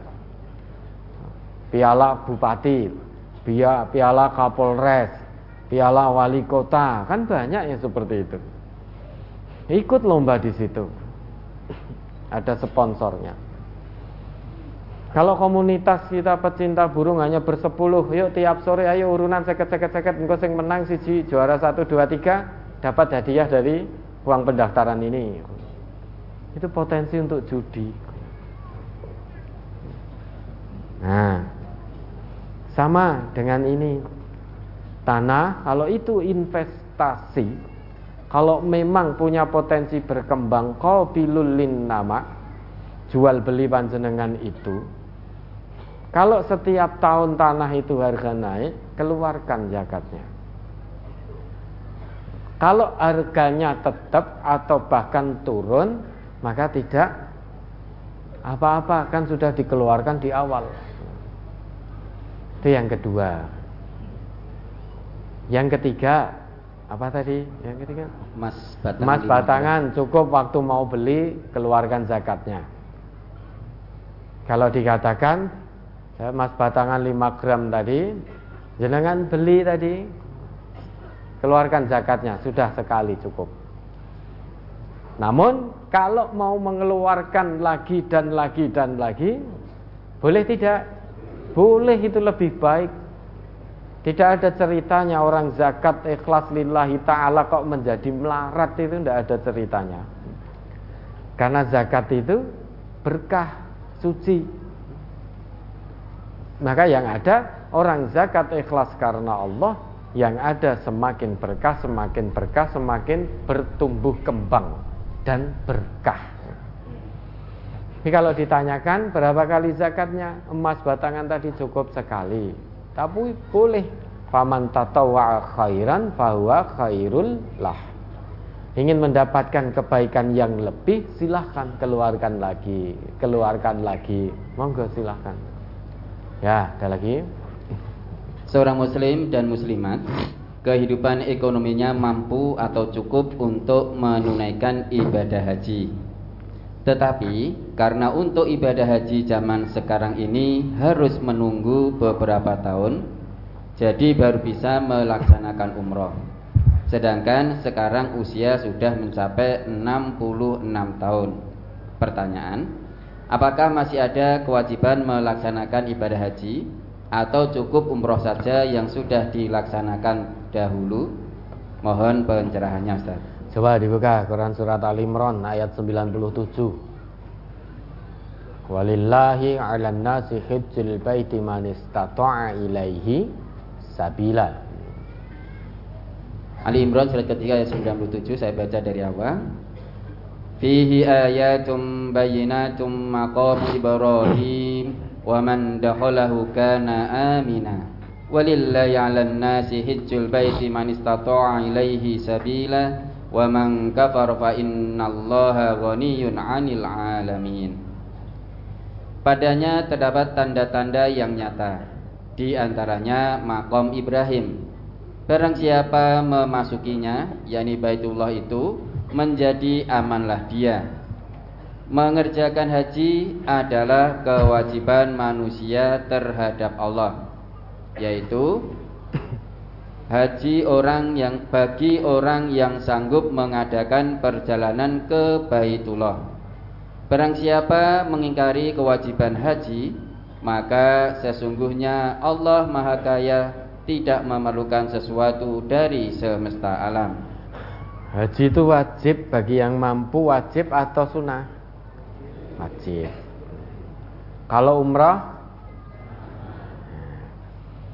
maka walillahi 'alan nasi hijjul baiti man istata'a ilaihi sabila.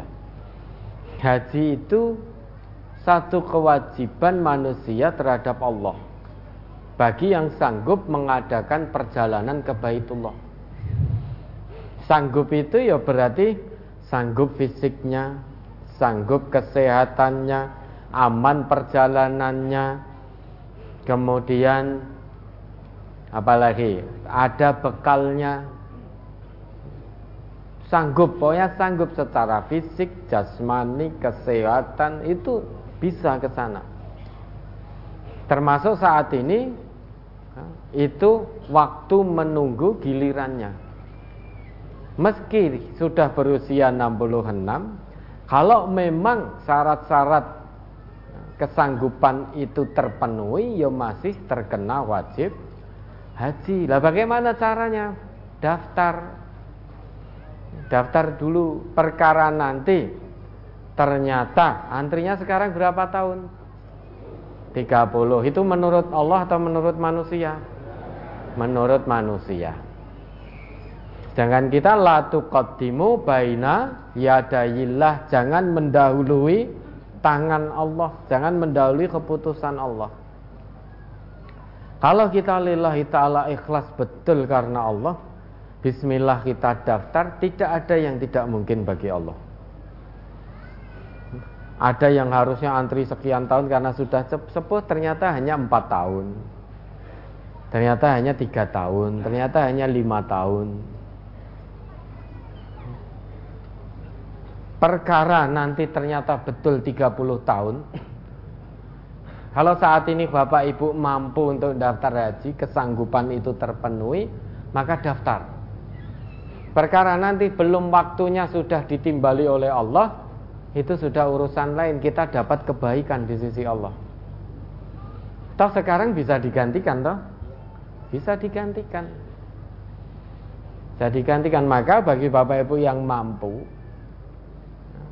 secara biayanya kira-kira perjalanannya aman, kesehatannya, fisiknya Maka sebagai wujud untuk istitoah kemaksimalan dalam menjalankan perintah Allah ditandai dengan kita mendaftar dulu. Itu ada nilai kebaikan. Allah tahu isi hati kita. Kalau ternyata belum waktunya sudah dipanggil oleh Allah, Allah tidak sia-siakan kebaikan yang kita lakukan. Dan itu bisa digantikan. Biar bagaimanapun yang wajib tanpa sebab yang dibenarkan oleh agama tidak bisa dikalahkan dengan yang sunnah. Alhamdulillah kemarin sudah umroh. Nah sekarang daftar hajinya. Wah nanti 90 tahun lagi. Eh apa? Usia 96 baru berangkat. Iya itu menurut aturan manusia. Tapi Allah sangat mudah bagi Allah. Sangat mudah bagi Allah. Tidak mesti 30 tahun. Yang penting nah, kita maksimal jalankan perintah Allah ini dengan maksimal, daftar dulu. Perkara nanti di usia itu betul antri 30 tahun sudah tidak mampu. Allah tidak akan sia-siakan kebaikan kita. Kalau ternyata kita dipanggil oleh Allah belum waktunya, Allah pun juga tidak sia-siakan kebaikan kita saat kita daftar itu tadi. Ya, kalau memang meski usianya 60 tapi masih memenuhi syarat-syarat wajib haji, ya wajib, haji tetap wajib bagi dirinya, tidak jatuh, tidak gugur gitu loh. Ya, ada lagi. Mohon penjelasan dalam surat Al-Baqarah ayat 62 yang disebut sapiin itu siapa? Dan mohon penjelasan atau pemahaman tentang ayat tersebut untuk kondisi sekarang ini yang masih ada yang beragama Yahudi dan Nasrani. Coba dibaca. Innal ladina amanu wal ladina hadu wan nasara was man amana billah wal yaumil akhir dan seterusnya itu. Surat Al-Baqarah surat kedua ayat 62.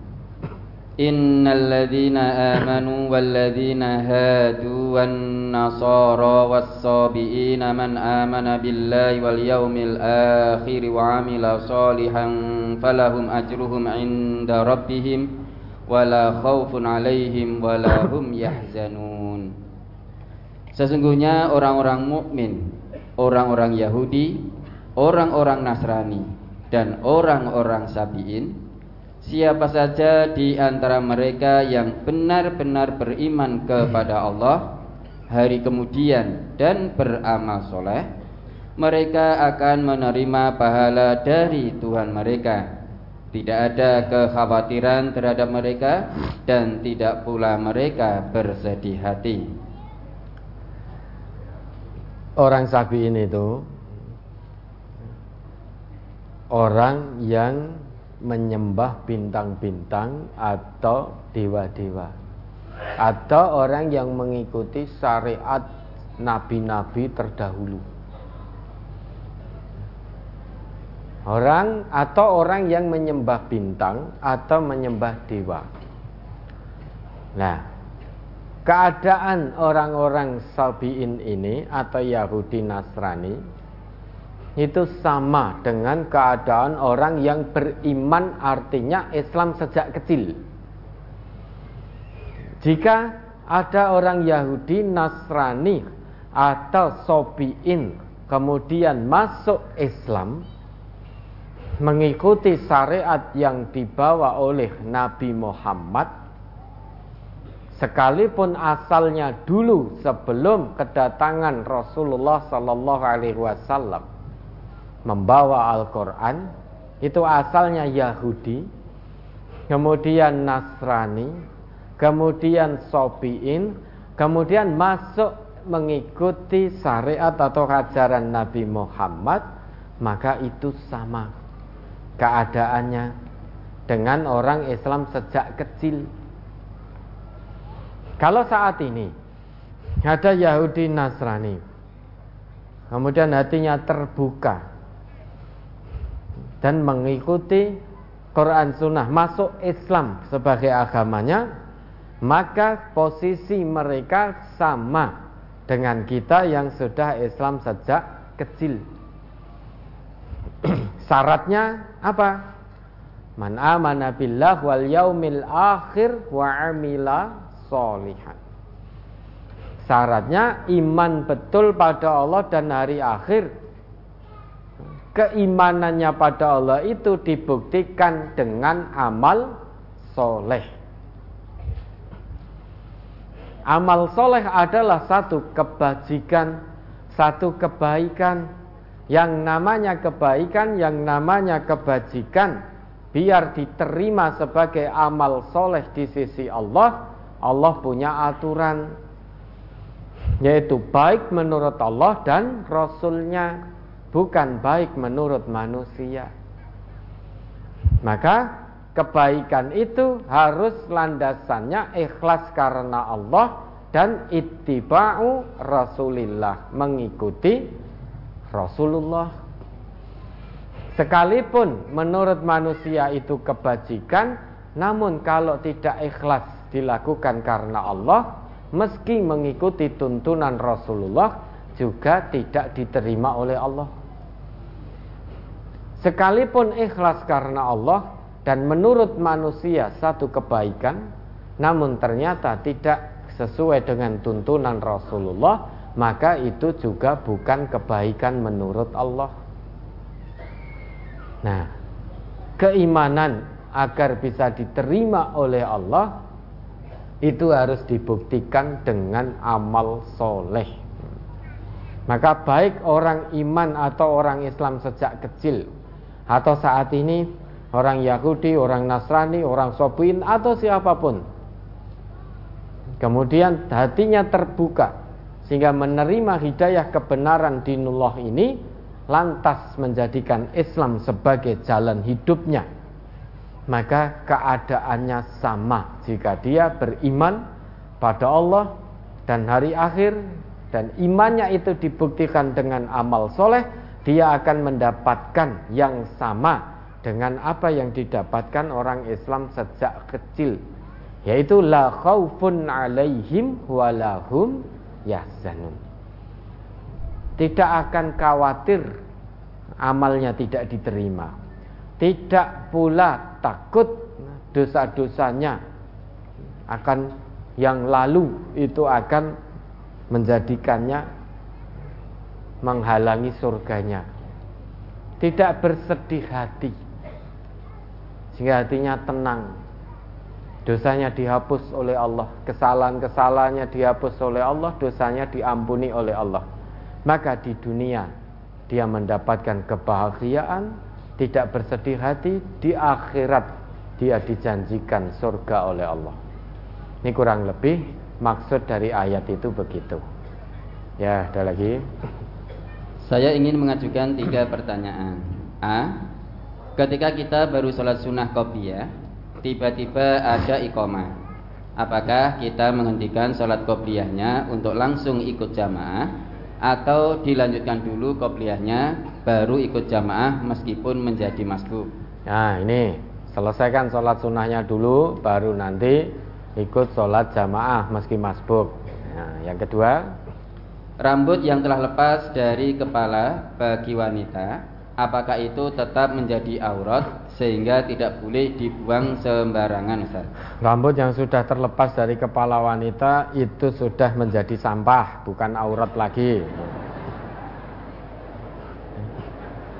Dan karena ini sampah, maka buang pada tempatnya, jangan buang sembarangan.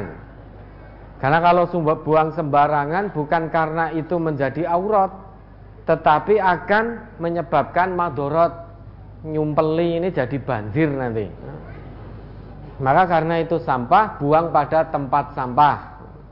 Jangan buang sembarangan sehingga mengotori sehingga menyebabkan banjir. Ya, ibu-ibu ini kalau pas di kamar mandi mandi ada yang rontok itu, kalau tersumbat kan tidak bisa milih itu tidak bisa milih airnya, maka jangan dibuang di situ, diambil ada plastik buang tempat sampah. Kita buang tidak sembarangan bukan berarti itu bukan eh, bukan berarti itu aurat karena itu sampah buang di tempat sampah.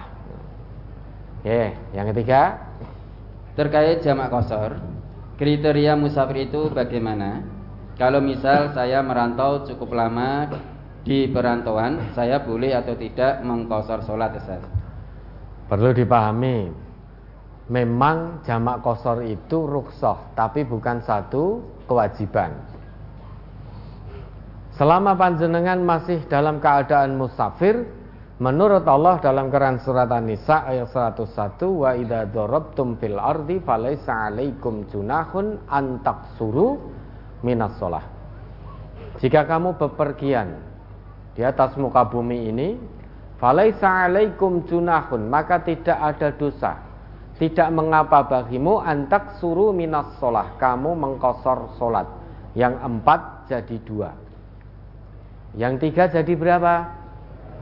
Ya tetap jadi tiga Bukan jadi dua Engkau yang dua jadi satu ya, Yang empat jadi dua Itu tidak ada dosa Tidak mengapa Selama masih musafir Nah musafirnya Panjenengan merantau ini Menetap di situ Berkeluarga Berketurunan Pekerjaan di situ Atau jenengan sendiri ini yang perlu kita pertanyakan. Kalau jenengan merantau di situ, berkeluarga di situ, punya keturunan di situ, menetap di situ, lah itu sudah daerah mukim jenengan. Sudah wilayah ikomah jenengan. Karena jenengan di situ sudah ya, membangun keluarga, rumah tangga, berketurunan, menetap pekerjaan di situ. Berarti itu sudah wilayah mukim jenengan. Karena sudah tinggal di situ, nuwun sewu, nuwun sewu, mohon maaf. Biar lebih mudah dipahami, beranak pinak di situ. Mohon maaf ya. Kalau kurang tidak kalau tidak sopan mohon maaf karena yo kalau berketurunan ini kurang ini, kurang ya kurang mengena. Kalau memang di situ sudah membina rumah tangga, kemudian keluarga di situ, anak-anaknya di situ, sekolah di situ, kuliah di situ anaknya, kerja juga di situ anaknya. Itu sudah daerah ikomah meskipun KTP jenengan tesis ragen.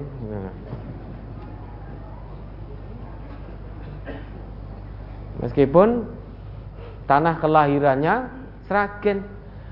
Dulu Nabi lahir di mana? Di Mekah ketika beliau hijrah ke Madinah menetapkan Madinah sebagai daerah ikomah beliau. Saat beliau tindak safar ke Mekah, beliau musafir. Maka ketika Fathu Makkah itu, meski beliau rawuh di tanah kelahirannya, namun beliau musafir. Pernah selama 19 hari beliau di situ. Solat dua rakaat dua rakaat mengkosor solat meski kembali kondur ke tanah kelahiran. Namun beliau sudah menetap daerah ikomahnya sudah di Madinah. Daerah ikomah beliau. Nah, ini jadi pertanyaan kalau sudah 20, 20 tahun di Jakarta, anaknya sudah kuliah, sudah kerja di sana, itu sudah menjadi daerah ikomah jenengan. Mukim jenengan sudah di situ. Meskipun tanah kelahiran jenengan, KTP jenengan, kakan jenengan masih ada di Karanganyar. Karena Nabi nggak kenal KTP, Nabi tidak kenal kakak. Ini loh. Yang beliau ini dawuhkan ikomah mukim. Mukim itu kita menetap ikomah tempat kita menetap. Namun kalau panjenengan merantau dalam rangka kerja sendirian, keluarga ditinggal di rumah, anak-anaknya setiap pekan jenengan kundur atau setiap bulan atau setahun sekali jenengan kundur nah maka jenengan di sana dalam keadaan musafir selama musafir masih boleh mengkosor solat. Kosor solat bagi musafir itu bukan satu kewajiban. Namun itu rukhsah. Boleh diambil boleh tidak. Oke, ada lagi? Bagaimana cara agar dalam bekerja kita tidak berorientasi pada uang saja. Yang di sisi lain karena memang kebutuhan yang semakin banyak Ustaz. Saya sampai jam berapa ini?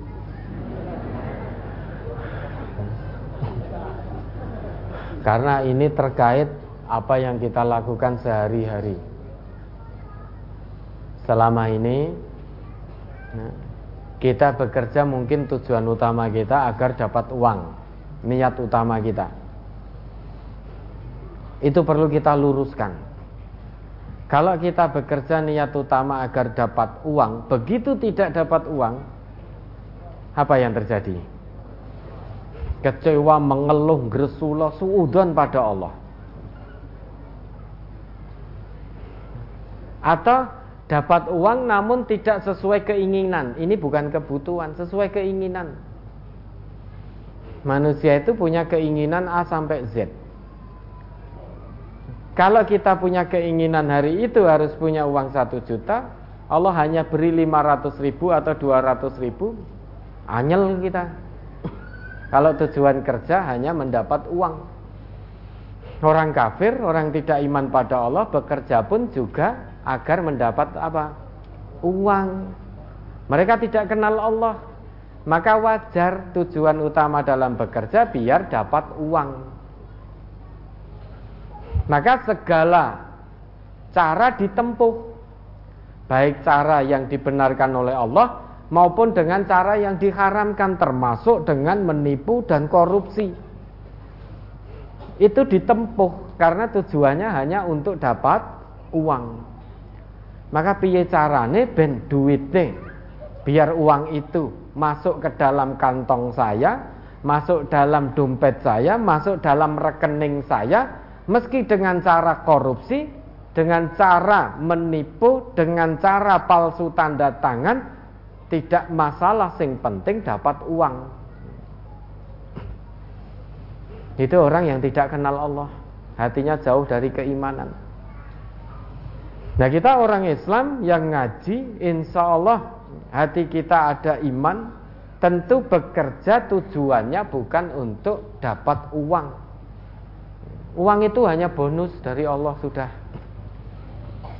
Tujuan kita bekerja menjawab perintah Allah Karena kita bekerja ini yang memerintahkan Allah Kata Allah Huwaladzi ja'ala lakumul arda dzalula famshu fi manakibiha wa kulu mir rizki. Dia Allah yang telah menjadikan bumi ini mudah untuk kamu jelajahi. Maka jelajahilah seluruh penjuru bumi.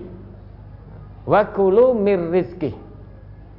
Dan carilah, jemputlah sebagian dari rezeki yang telah Allah janjikan. Maka jangan mengambil rezekinya orang lain.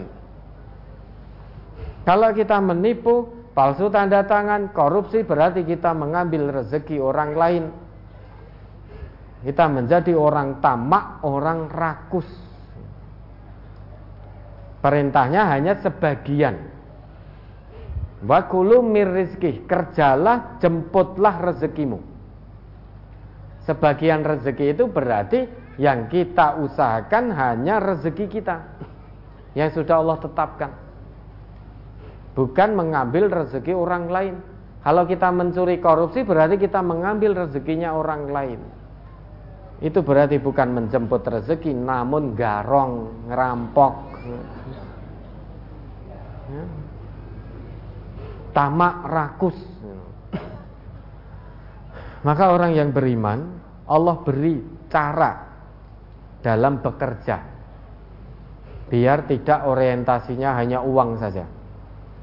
Kalau orientasinya hanya uang, begitu tidak mendapatkan atau mendapat sedikit tidak sesuai keinginannya, dia akan mengeluh, berkeluh kesah, selalu merasa kurang, jauh rasa syukur, tidak punya sifat kona'ah, merasa cukup atas apa yang Allah berikan. Lama-lama dia menjadi orang yang kufur-kufur nikmat karena melihat dunia tidak melihat orang yang di bawahnya namun dia melihat orang yang di atasnya sehingga tampak kebutuhannya semakin naik, semakin naik, semakin naik. Karena melihat orang lain, oh punya sepeda motor yang bagus, sedangkan sepeda motornya baru apa adanya. Dia tidak mau melihat orang di bawahnya yang belum punya sepeda, belum punya sepeda motor. Namun dia melihat orang yang punya mobil, sehingga merasa bahwa mobil menjadi kebutuhannya, sehingga butuhnya bertambah. Gitu. Ketika sudah punya mobil, melihat mobilnya orang lain yang lebih mewah, sehingga kepingin, maka kebutuhannya menjadi naik lagi.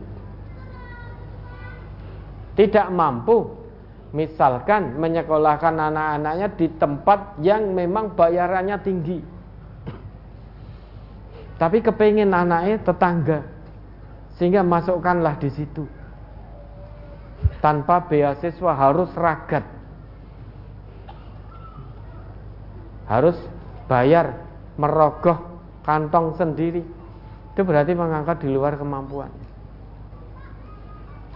Maka kebutuhannya semakin naik semakin naik.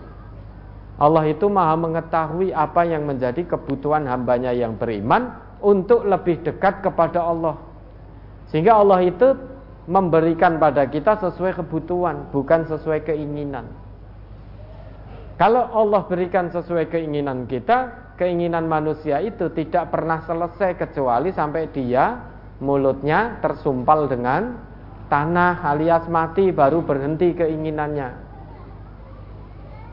Allah Maha mengetahui manusia tidak tahu seberapa kebutuhan yang kita butuhkan untuk mendekat kepada Allah Allah yang maha mengetahui. Maka kita bekerja itu bukan semata-mata untuk uang. Luruskan niat lillahi ta'ala. Kita bekerja karena Allah yang memerintah. Kalau Allah tidak perintahkan, kita tidak akan melakukan. Karena Allah perintahkan, Rasulullah perintahkan, maka kerja kita, apa pun profesi kita, bismillah keluar dari rumah, saya bekerja karena Allah maka sedikit atau banyak yang Allah berikan setelah kita kembali masuk ke rumah lagi kita niscaya menjadi hamba Allah yang kona'ah tidak mudah untuk menjadi kona'ah kata Nabi kun koni'an takun askaron nas. Jadilah kamu hamba yang kona'ah niscaya kamu akan menjadi hamba Allah yang paling bersyukur paling mensyukuri nikmat yang Allah berikan. Diberi oleh Allah dititipi sedikit alhamdulillah karena memang itu kebutuhan kita mendekat kepada Allah. Sehingga tidak merasa kurang, tidak merasa kurang. Lah anak belum bayar SPP, Allah yang akan selesaikan nanti. Itu sifat kona'ah. Yang penting terima dulu dengan ikhlas. Jangan merasa kurang dulu. Kalau kita menerima pemberian Allah, merasa kurang dulu selamanya diberi banyak pun juga merasa kurang diberi 100 ribu ya merasa kurang karena merasa kurang dulu diberi 500 ribu juga merasa kurang diberi sejuta merasa kurang Allah kasih 10 juta kita juga merasa kurang Allah kasih 100 juta kita juga merasa kurang Allah kasih 1 miliar juga merasa kurang Kapan tidak merasa kurangnya? Nanti sesudah mati. Maka terima dulu pemberian dari Allah. Maka orang yang beriman itu kerja tujuannya bukan untuk uang, namun mencari keberkahan dari Allah. Keberkahan itu hanya bisa didapatkan dengan cara halal dan toyib. Maka orang yang beriman tidak pusing-pusing harusnya dalam bekerja. Allah berikan tunjukkan cara dalam bekerja. Beda cara orang yang beriman, cara bekerja dengan umumnya manusia itu beda. Dulu pernah kita jelaskan. Kalau di dalam Quran surat Al-Baqarah ayat 168 itu cara bekerja untuk semua manusia. Ya ayyuhan nas Kulu mimma fil ardi halalan tayyiba. Wahai segenap manusia, makanlah sebagian yang ada di bumi yang halal lagi toyib. Karena akan ada manusia yang tidak memikirkan halal, tidak memikirkan toyib. Akan ada manusia yang acuh, yang mengabaikan ketentuan Allah dalam mencari nafkah. Maka Allah sebutkan, kamu bekerja, mencari sebagian rezeki, namun jangan asal kerja. Jemput rezekimu dengan cara halal dan toyib. Wala tattabi'u khutuwatis syaiton. Jangan kamu ikuti langkah-langkah setan Akan banyak bisikan, gangguan, was-was, bujuk, rayu setan Saat kita bekerja Mungkin anak kita sakit, butuh biaya rumah sakit dengan cara halal Allah beri misalkan hanya 200-500 ribu. Biaya rumah sakit 1 juta atau 2 juta. Maka setan akan bisikkan Wis maling baik, maling baik Engkau nek maling peran duit duit Ora iso nambah ke anakmu ning rumah sakit Akhirnya nanti anakmu meninggal dunia. Bisikan setan seperti itu. Jangan diikuti. Tetap tawakal kepada Allah. Bertakwa kepada Allah Allah yang akan selesaikan urusan. Dengan catatan berserah diri betul kepada Allah jiwa dan raga. Usaha ikhtiar insani maksimal, ikhtiar ilahinya juga maksimal. Tidak menutup kemungkinan tiba-tiba Allah kirim seseorang untuk membiayai biaya rumah sakit anak kita. Tidak tertutup kemungkinan. Karena Allah menggerakkan hati seseorang syaratnya takwa, syaratnya tawakal. Jangan mengikuti langkah pucuk rayu setan apa pun kondisinya. Jangan ikuti langkah-langkah setan meski hasilnya banyak. Nah, koruptor itu mengikuti langkah setan meski hasilnya banyak nih jek kurang. Kecekel ya jek guyung-guyu dada-dada begini. Ya. Sudah hilang semua fitrahnya hilang entah ke mana, akhlaknya hilang entah ke mana, menempuh jalan ke neraka malah guyu-guyu.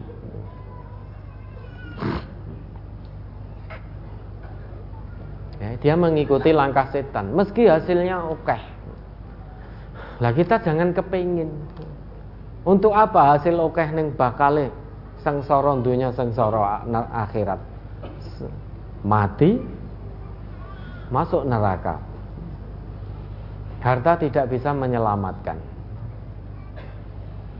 Maka jangan kepingin dengan silonya dunia. Jangan tertipu oleh kehidupan dunia. La taghurrannakumul hayatud dunya wa la yaghurrannakum billahil ghurur. Jangan tertipu oleh kehidupan dunia, jangan tertipu oleh setan yang pandai menipumu dari jalan Allah. Tetap ikuti petunjuk Allah. Cari rezeki dengan cara halal lagi toyib. Sesulit apa pun kondisinya. Sedikit apa pun yang Allah beri tetap disyukuri. Karena ada manusia yang terus menerus mengikuti bujuk rayu setan dalam mencari, dalam bekerja, sehingga cara yang haram juga ditempuh meski dia juga ngaku Islam, maka Allah tunjukkan cara khusus bekerja bagi orang yang beriman. Al-Baqarah 172-nya. Kalau Al-Baqarah 168 tadi, ya ayuhan nas, umum untuk semua manusia. Al-Baqarah 172, ya ayyuhalladzina amanu. Ayatnya dibuka dengan ya ayyuhalladzina amanu. Berarti cara bekerja yang ada dalam ayat ini khusus bagi hamba Allah yang betul-betul beriman. Tidak untuk semua manusia yang tidak beriman dengan baik kepada Allah tidak termasuk dalam ayat ini. Maka dia bekerja dengan keimanan penuh kepada Allah. Baik dilihat oleh orang lain, oleh orang banyak atau tidak dilihat siapa pun, dia senantiasa merasa diawasi oleh Allah. Maka tidak mungkin palsu tanda tangan, tidak mungkin markup anggaran, tidak mungkin korupsi, tidak mungkin waktu sudah jam 11.33.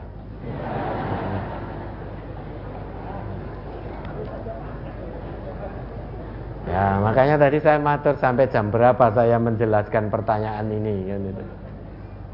To be continue. Makanya saya kan bertanya sampai jam berapa saya menjawab pertanyaan ini. Panjang ini penjelasannya. Tidak cukup banyak. Ya ikhlas karena Allah. Cari rezeki yang halal. Kalau itu semua sudah tahu orang Islam. Tapi ikhlas karena Allah itu seperti apa? Rezeki yang halal dan toyib itu bagaimana? Kemudian cara bekerja umumnya manusia dengan orang yang beriman itu beda apa sama? Kemudian cara bekerja orang yang beriman dan bertakwa dengan umumnya manusia dengan yang beriman tok itu beda apa apa sama? Itu perlu penjelasan.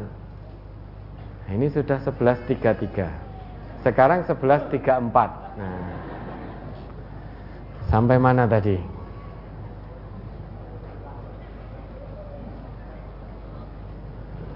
Sampai mana? Al-Baqarah 172. Ayat itu Allah tunjukkan khusus cara bekerja bagi hamba Allah yang betul-betul dalam keimanan penuh kepada Allah. Kulu min tayyibati ma razaqnakum makanlah sebagian dari yang baik-baik yang kami anugerahkan kepadamu. Bapak Ibu dapati dalam ayat 172 kata halal? Temukan tidak kata halal? Tidak. Kenapa kok tidak ditemukan?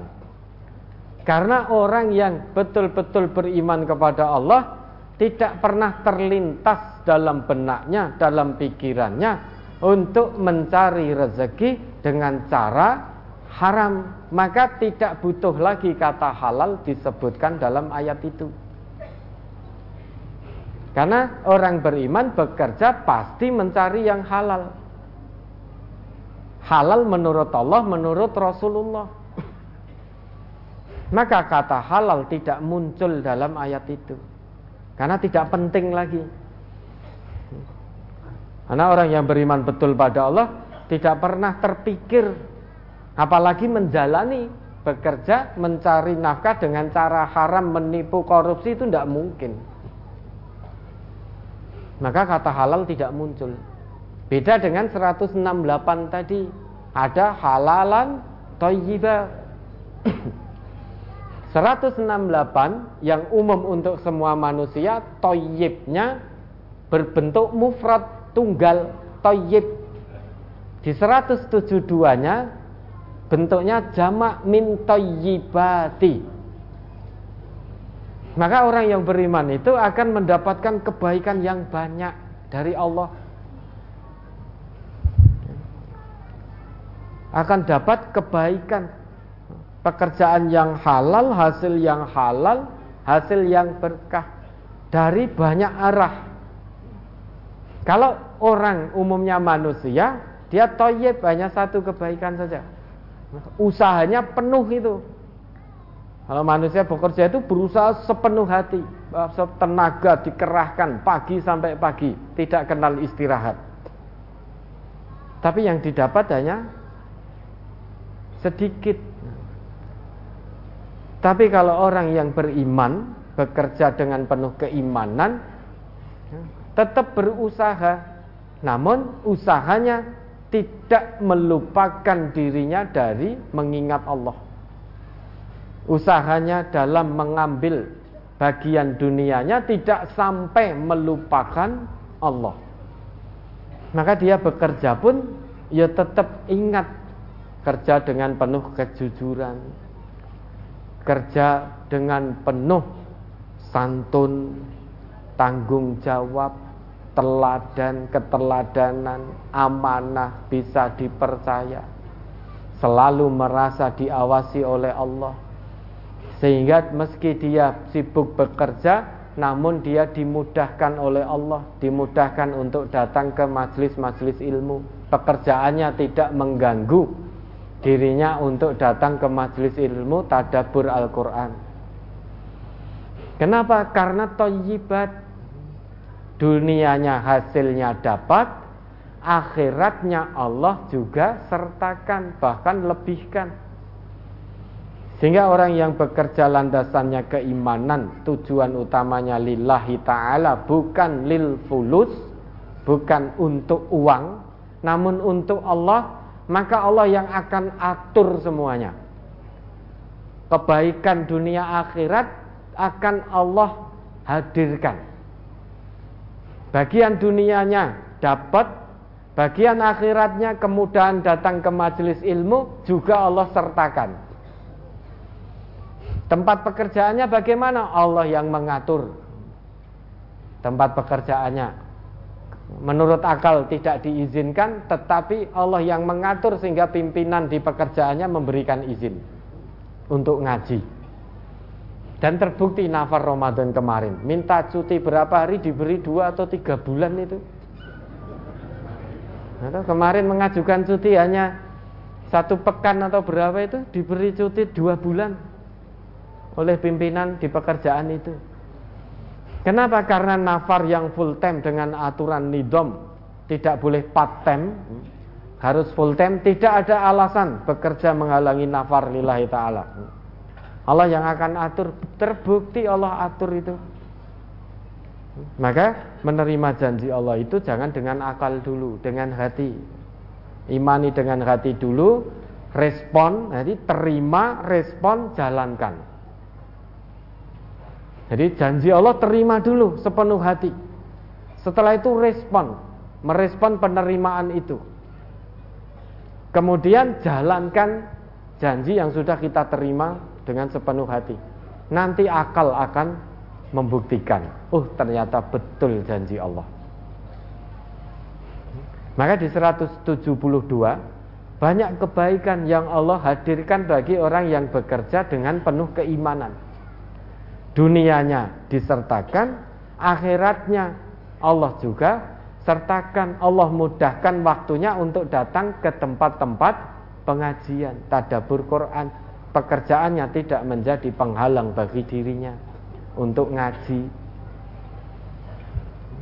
Tapi kalau pekerjaannya landasannya utamanya uang, sulit dia akan ngaji.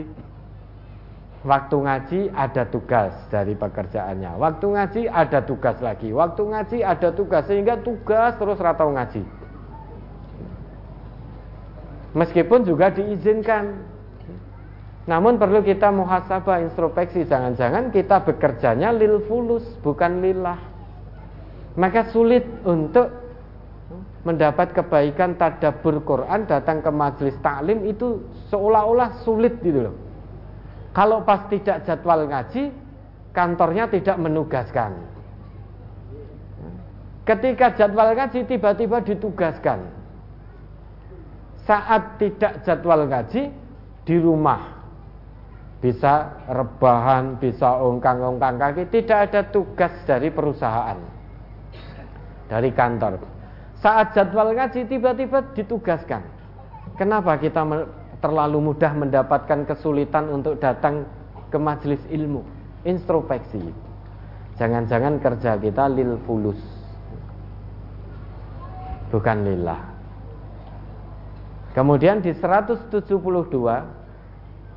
panjenengan akan temukan Gulu min toyibati ma rozaqnakum kata rozaqnakum di 168 jenengan temukan tidak kata rozaqnakum tidak ada di 168 yang cara kerja umum untuk semua manusia rozak nakumnya tidak ada. Tapi cara bagi hamba Allah yang beriman rozak nakumnya ada. Itu berarti rezekinya didekatkan oleh Allah. Orang yang bekerja lillah tujuannya lillah menjawab seruan Allah bukan untuk kekayaan, bukan untuk uang, namun betul-betul lillah apa pun yang Allah beri dia syukuri maka rozaknakum rezekinya didekatkan oleh Allah. Sehingga tidak pagi sampai pagi. Dia tetap punya waktu kerja dia tempuh dengan baik, kemudian waktu ngaji dia jalani dengan baik, waktu dengan keluarga dia tempuh dengan baik. Maka itu rezekinya didekatkan oleh Allah. Itu orang yang bekerja dengan landasan iman sepenuhnya kepada Allah.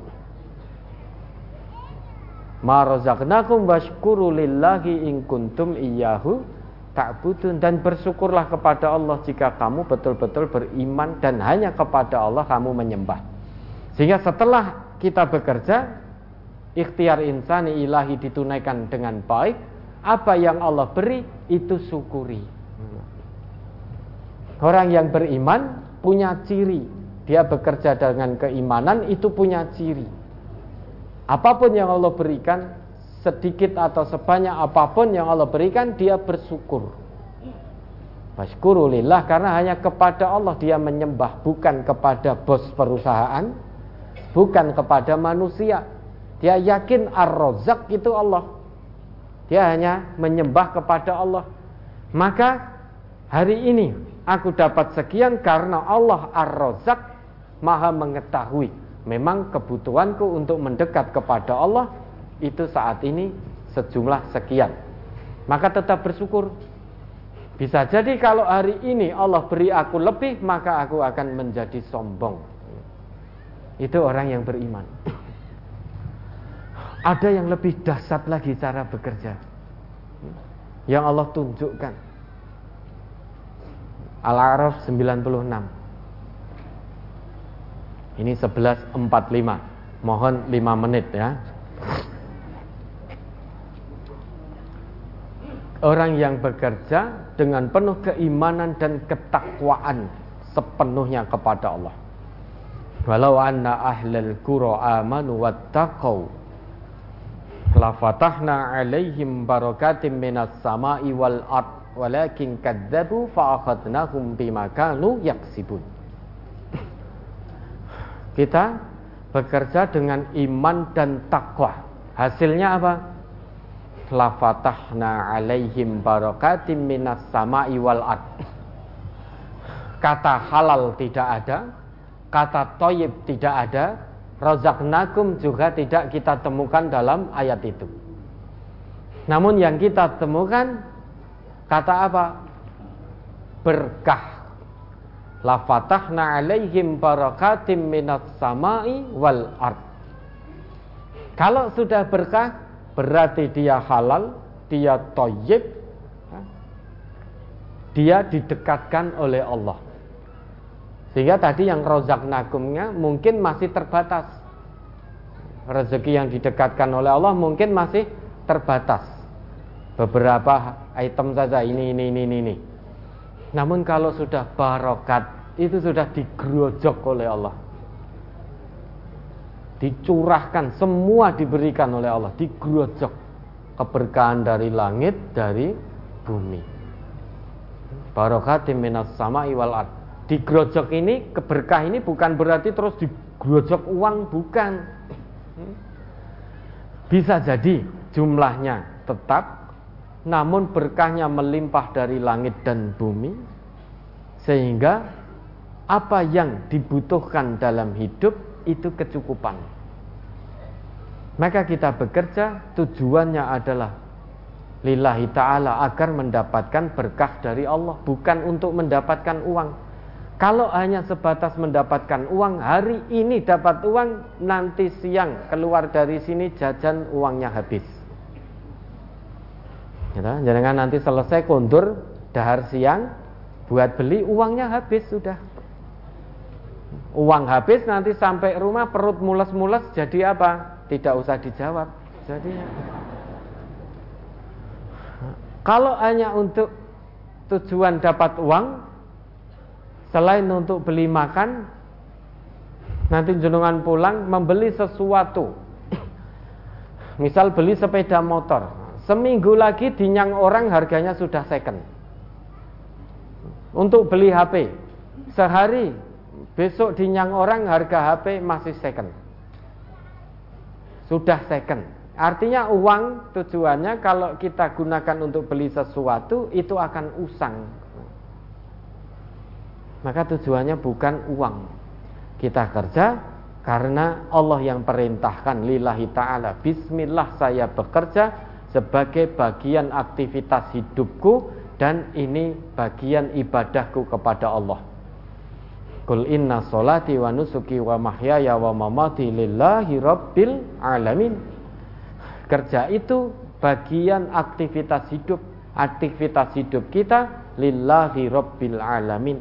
Kita tujukan hanya untuk Allah Tuhan semesta alam pemilik segala-galanya. Maka kalau sudah diserahkan pada Allah, tawakal betul pada Allah, tujuannya hanya Allah, mendapatkan sedikit tetap hati tenang. Siapa yang membuat tenang? Allah huwallazi anzala sakinata fi qulubil mu'minin liyazdadu imanan ma'a imanihim. Hatinya tenang. Meski secara logika, nalar, hitung-hitungan matematika manusia itu jumlahnya sedikit uangnya. Namun karena Allah grojok berkah dari langit dan bumi menjadi cukup. Kecukupan itu di luar nalar kita juga.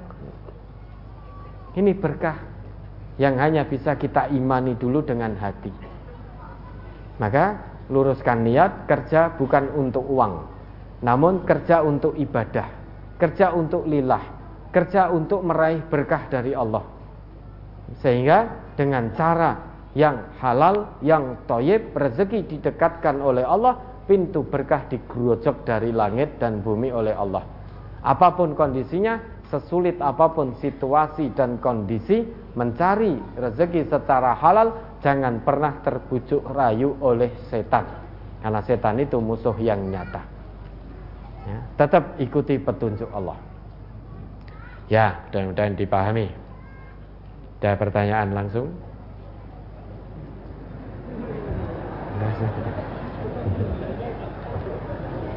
ya oke. Ada lagi Ustaz atau bagaimana? Cukup? Kami mengikut Ustaz. Mengikut? Tidak boleh mengikut. Ya, baik. Karena memang sebetulnya kalau kita jawab boleh, tidak boleh, boleh, tidak boleh itu ya pendek. Oke, baik. Enggak kita tunda lagi pertanyaan langsungnya ya. Karena nanti kalau ada pertanyaan butuh jawaban panjang daripada disambung pekan depan. Ya ini sudah jam 11.51. Ya sebelum diakhiri monggo ada yang perlu disampaikan dulu. Ada permohonan untuk saudara kita yang sakit mohon doa untuk kesembuhan beliau. Yang pertama Ibu Muji Rahayu dari Mbawen Ibu Lestari dari Juwiring 1, Ibu Rubiati dari Rongkop Gunung Kidul, Bapak Waloyo Martono. Ini kecelakaan saat kemarin berangkat kajian cabang ke cabang makam haji. Ini beliau masih naik sepeda motor sendiri toh ini. ya. Oke, kemudian Bapak Haryoto, Bapak Fahmi, Ibu Sriyati, Bapaknya Bu Lasinem Tawang dari Tawang Sari 2, kemudian Bapak Yunus dari Rejan Lebong, kemudian tujuh warga Cepu eh mohon maaf enam orang warga Cepu yakni Bapak Joko SP, Bapak Kasmo, Bapak Prambudi, Bapak Keswanto, Ibu Tasmidawati, kemudian Ibu Tri Irianti. Semuanya sakit mohon doa untuk kesembuhannya. Mari kita doakan beliau-beliau. Allah. Allahumma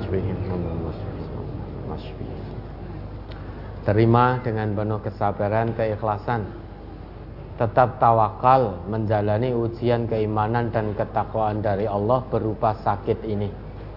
Dengan demikian mudah-mudahan jadi kafaroh penggugur dosa Bapak Ibu dari Allah. Oke, ada lagi. Berikutnya permohonan doa untuk saudara-saudara yang sudah meninggal. Yang pertama Bapak Muhammad Syafi'i, pengurus MTA Banyuwangi. Yang kedua Ibu Sutini dari Simo 2. Yang ketiga Bapak Ahmad Jayadi dari Masaran 2 yang keempat Bapak Dian Kurniaji dari Jayapura Kelima Bapak Darmadi dari Gajah Mungkur Keenam Bapak Cipto dan ibunya Bu Lasinem dari Tawangsari 2 Tujuh Bapak Supardi dari Purwokerto Delapan Bapak Ngatman Sarifudin dari Bayan Purworejo kemudian Ibu Endang Subarsini, Ibu Siti Masringah, Ibu Tukirah Sastro Diharjo, Bapak Nur Munir, Bapak Sarbini Sastro Diharjo. Semuanya meninggal, mohon doa. Baik, mari kita doakan beliau-beliau. Allahumma ighfir lahum warhamhum wa'fu anhum wa'afihim wa'akrim nusulahum wa wasi' madkhalahum واغسلهم بماء وسمت وبرد ونقهم من الخطايا كما ينقى الثوب الأبيض من الدنس وابدلهم دارا خيرا من دارهم وأهلا خيرا من أهلهم وزوجا خيرا من زوجهم وقهم فتنة القبر وعذاب النار akan datang hari kita akan datang hari kita nama kita terbaca di situ dimohonkan doa juga ya, pasti dan itu pasti terjadi. Kita sedang antri. Tidak perlu disik-disian semuanya sedang antri. Semakin sering kita mendengar berita saudara kita yang sudah mendahului berarti waktu kita semakin dekat. Waktu kita semakin dekat. Maka persiapkan hari itu dengan baik. Wal tanzur nafsum ma qaddamat liqad la tamutunna illa wa antum muslimun mudah-mudahan Allah matikan kita semua dalam keadaan husnul khatimah.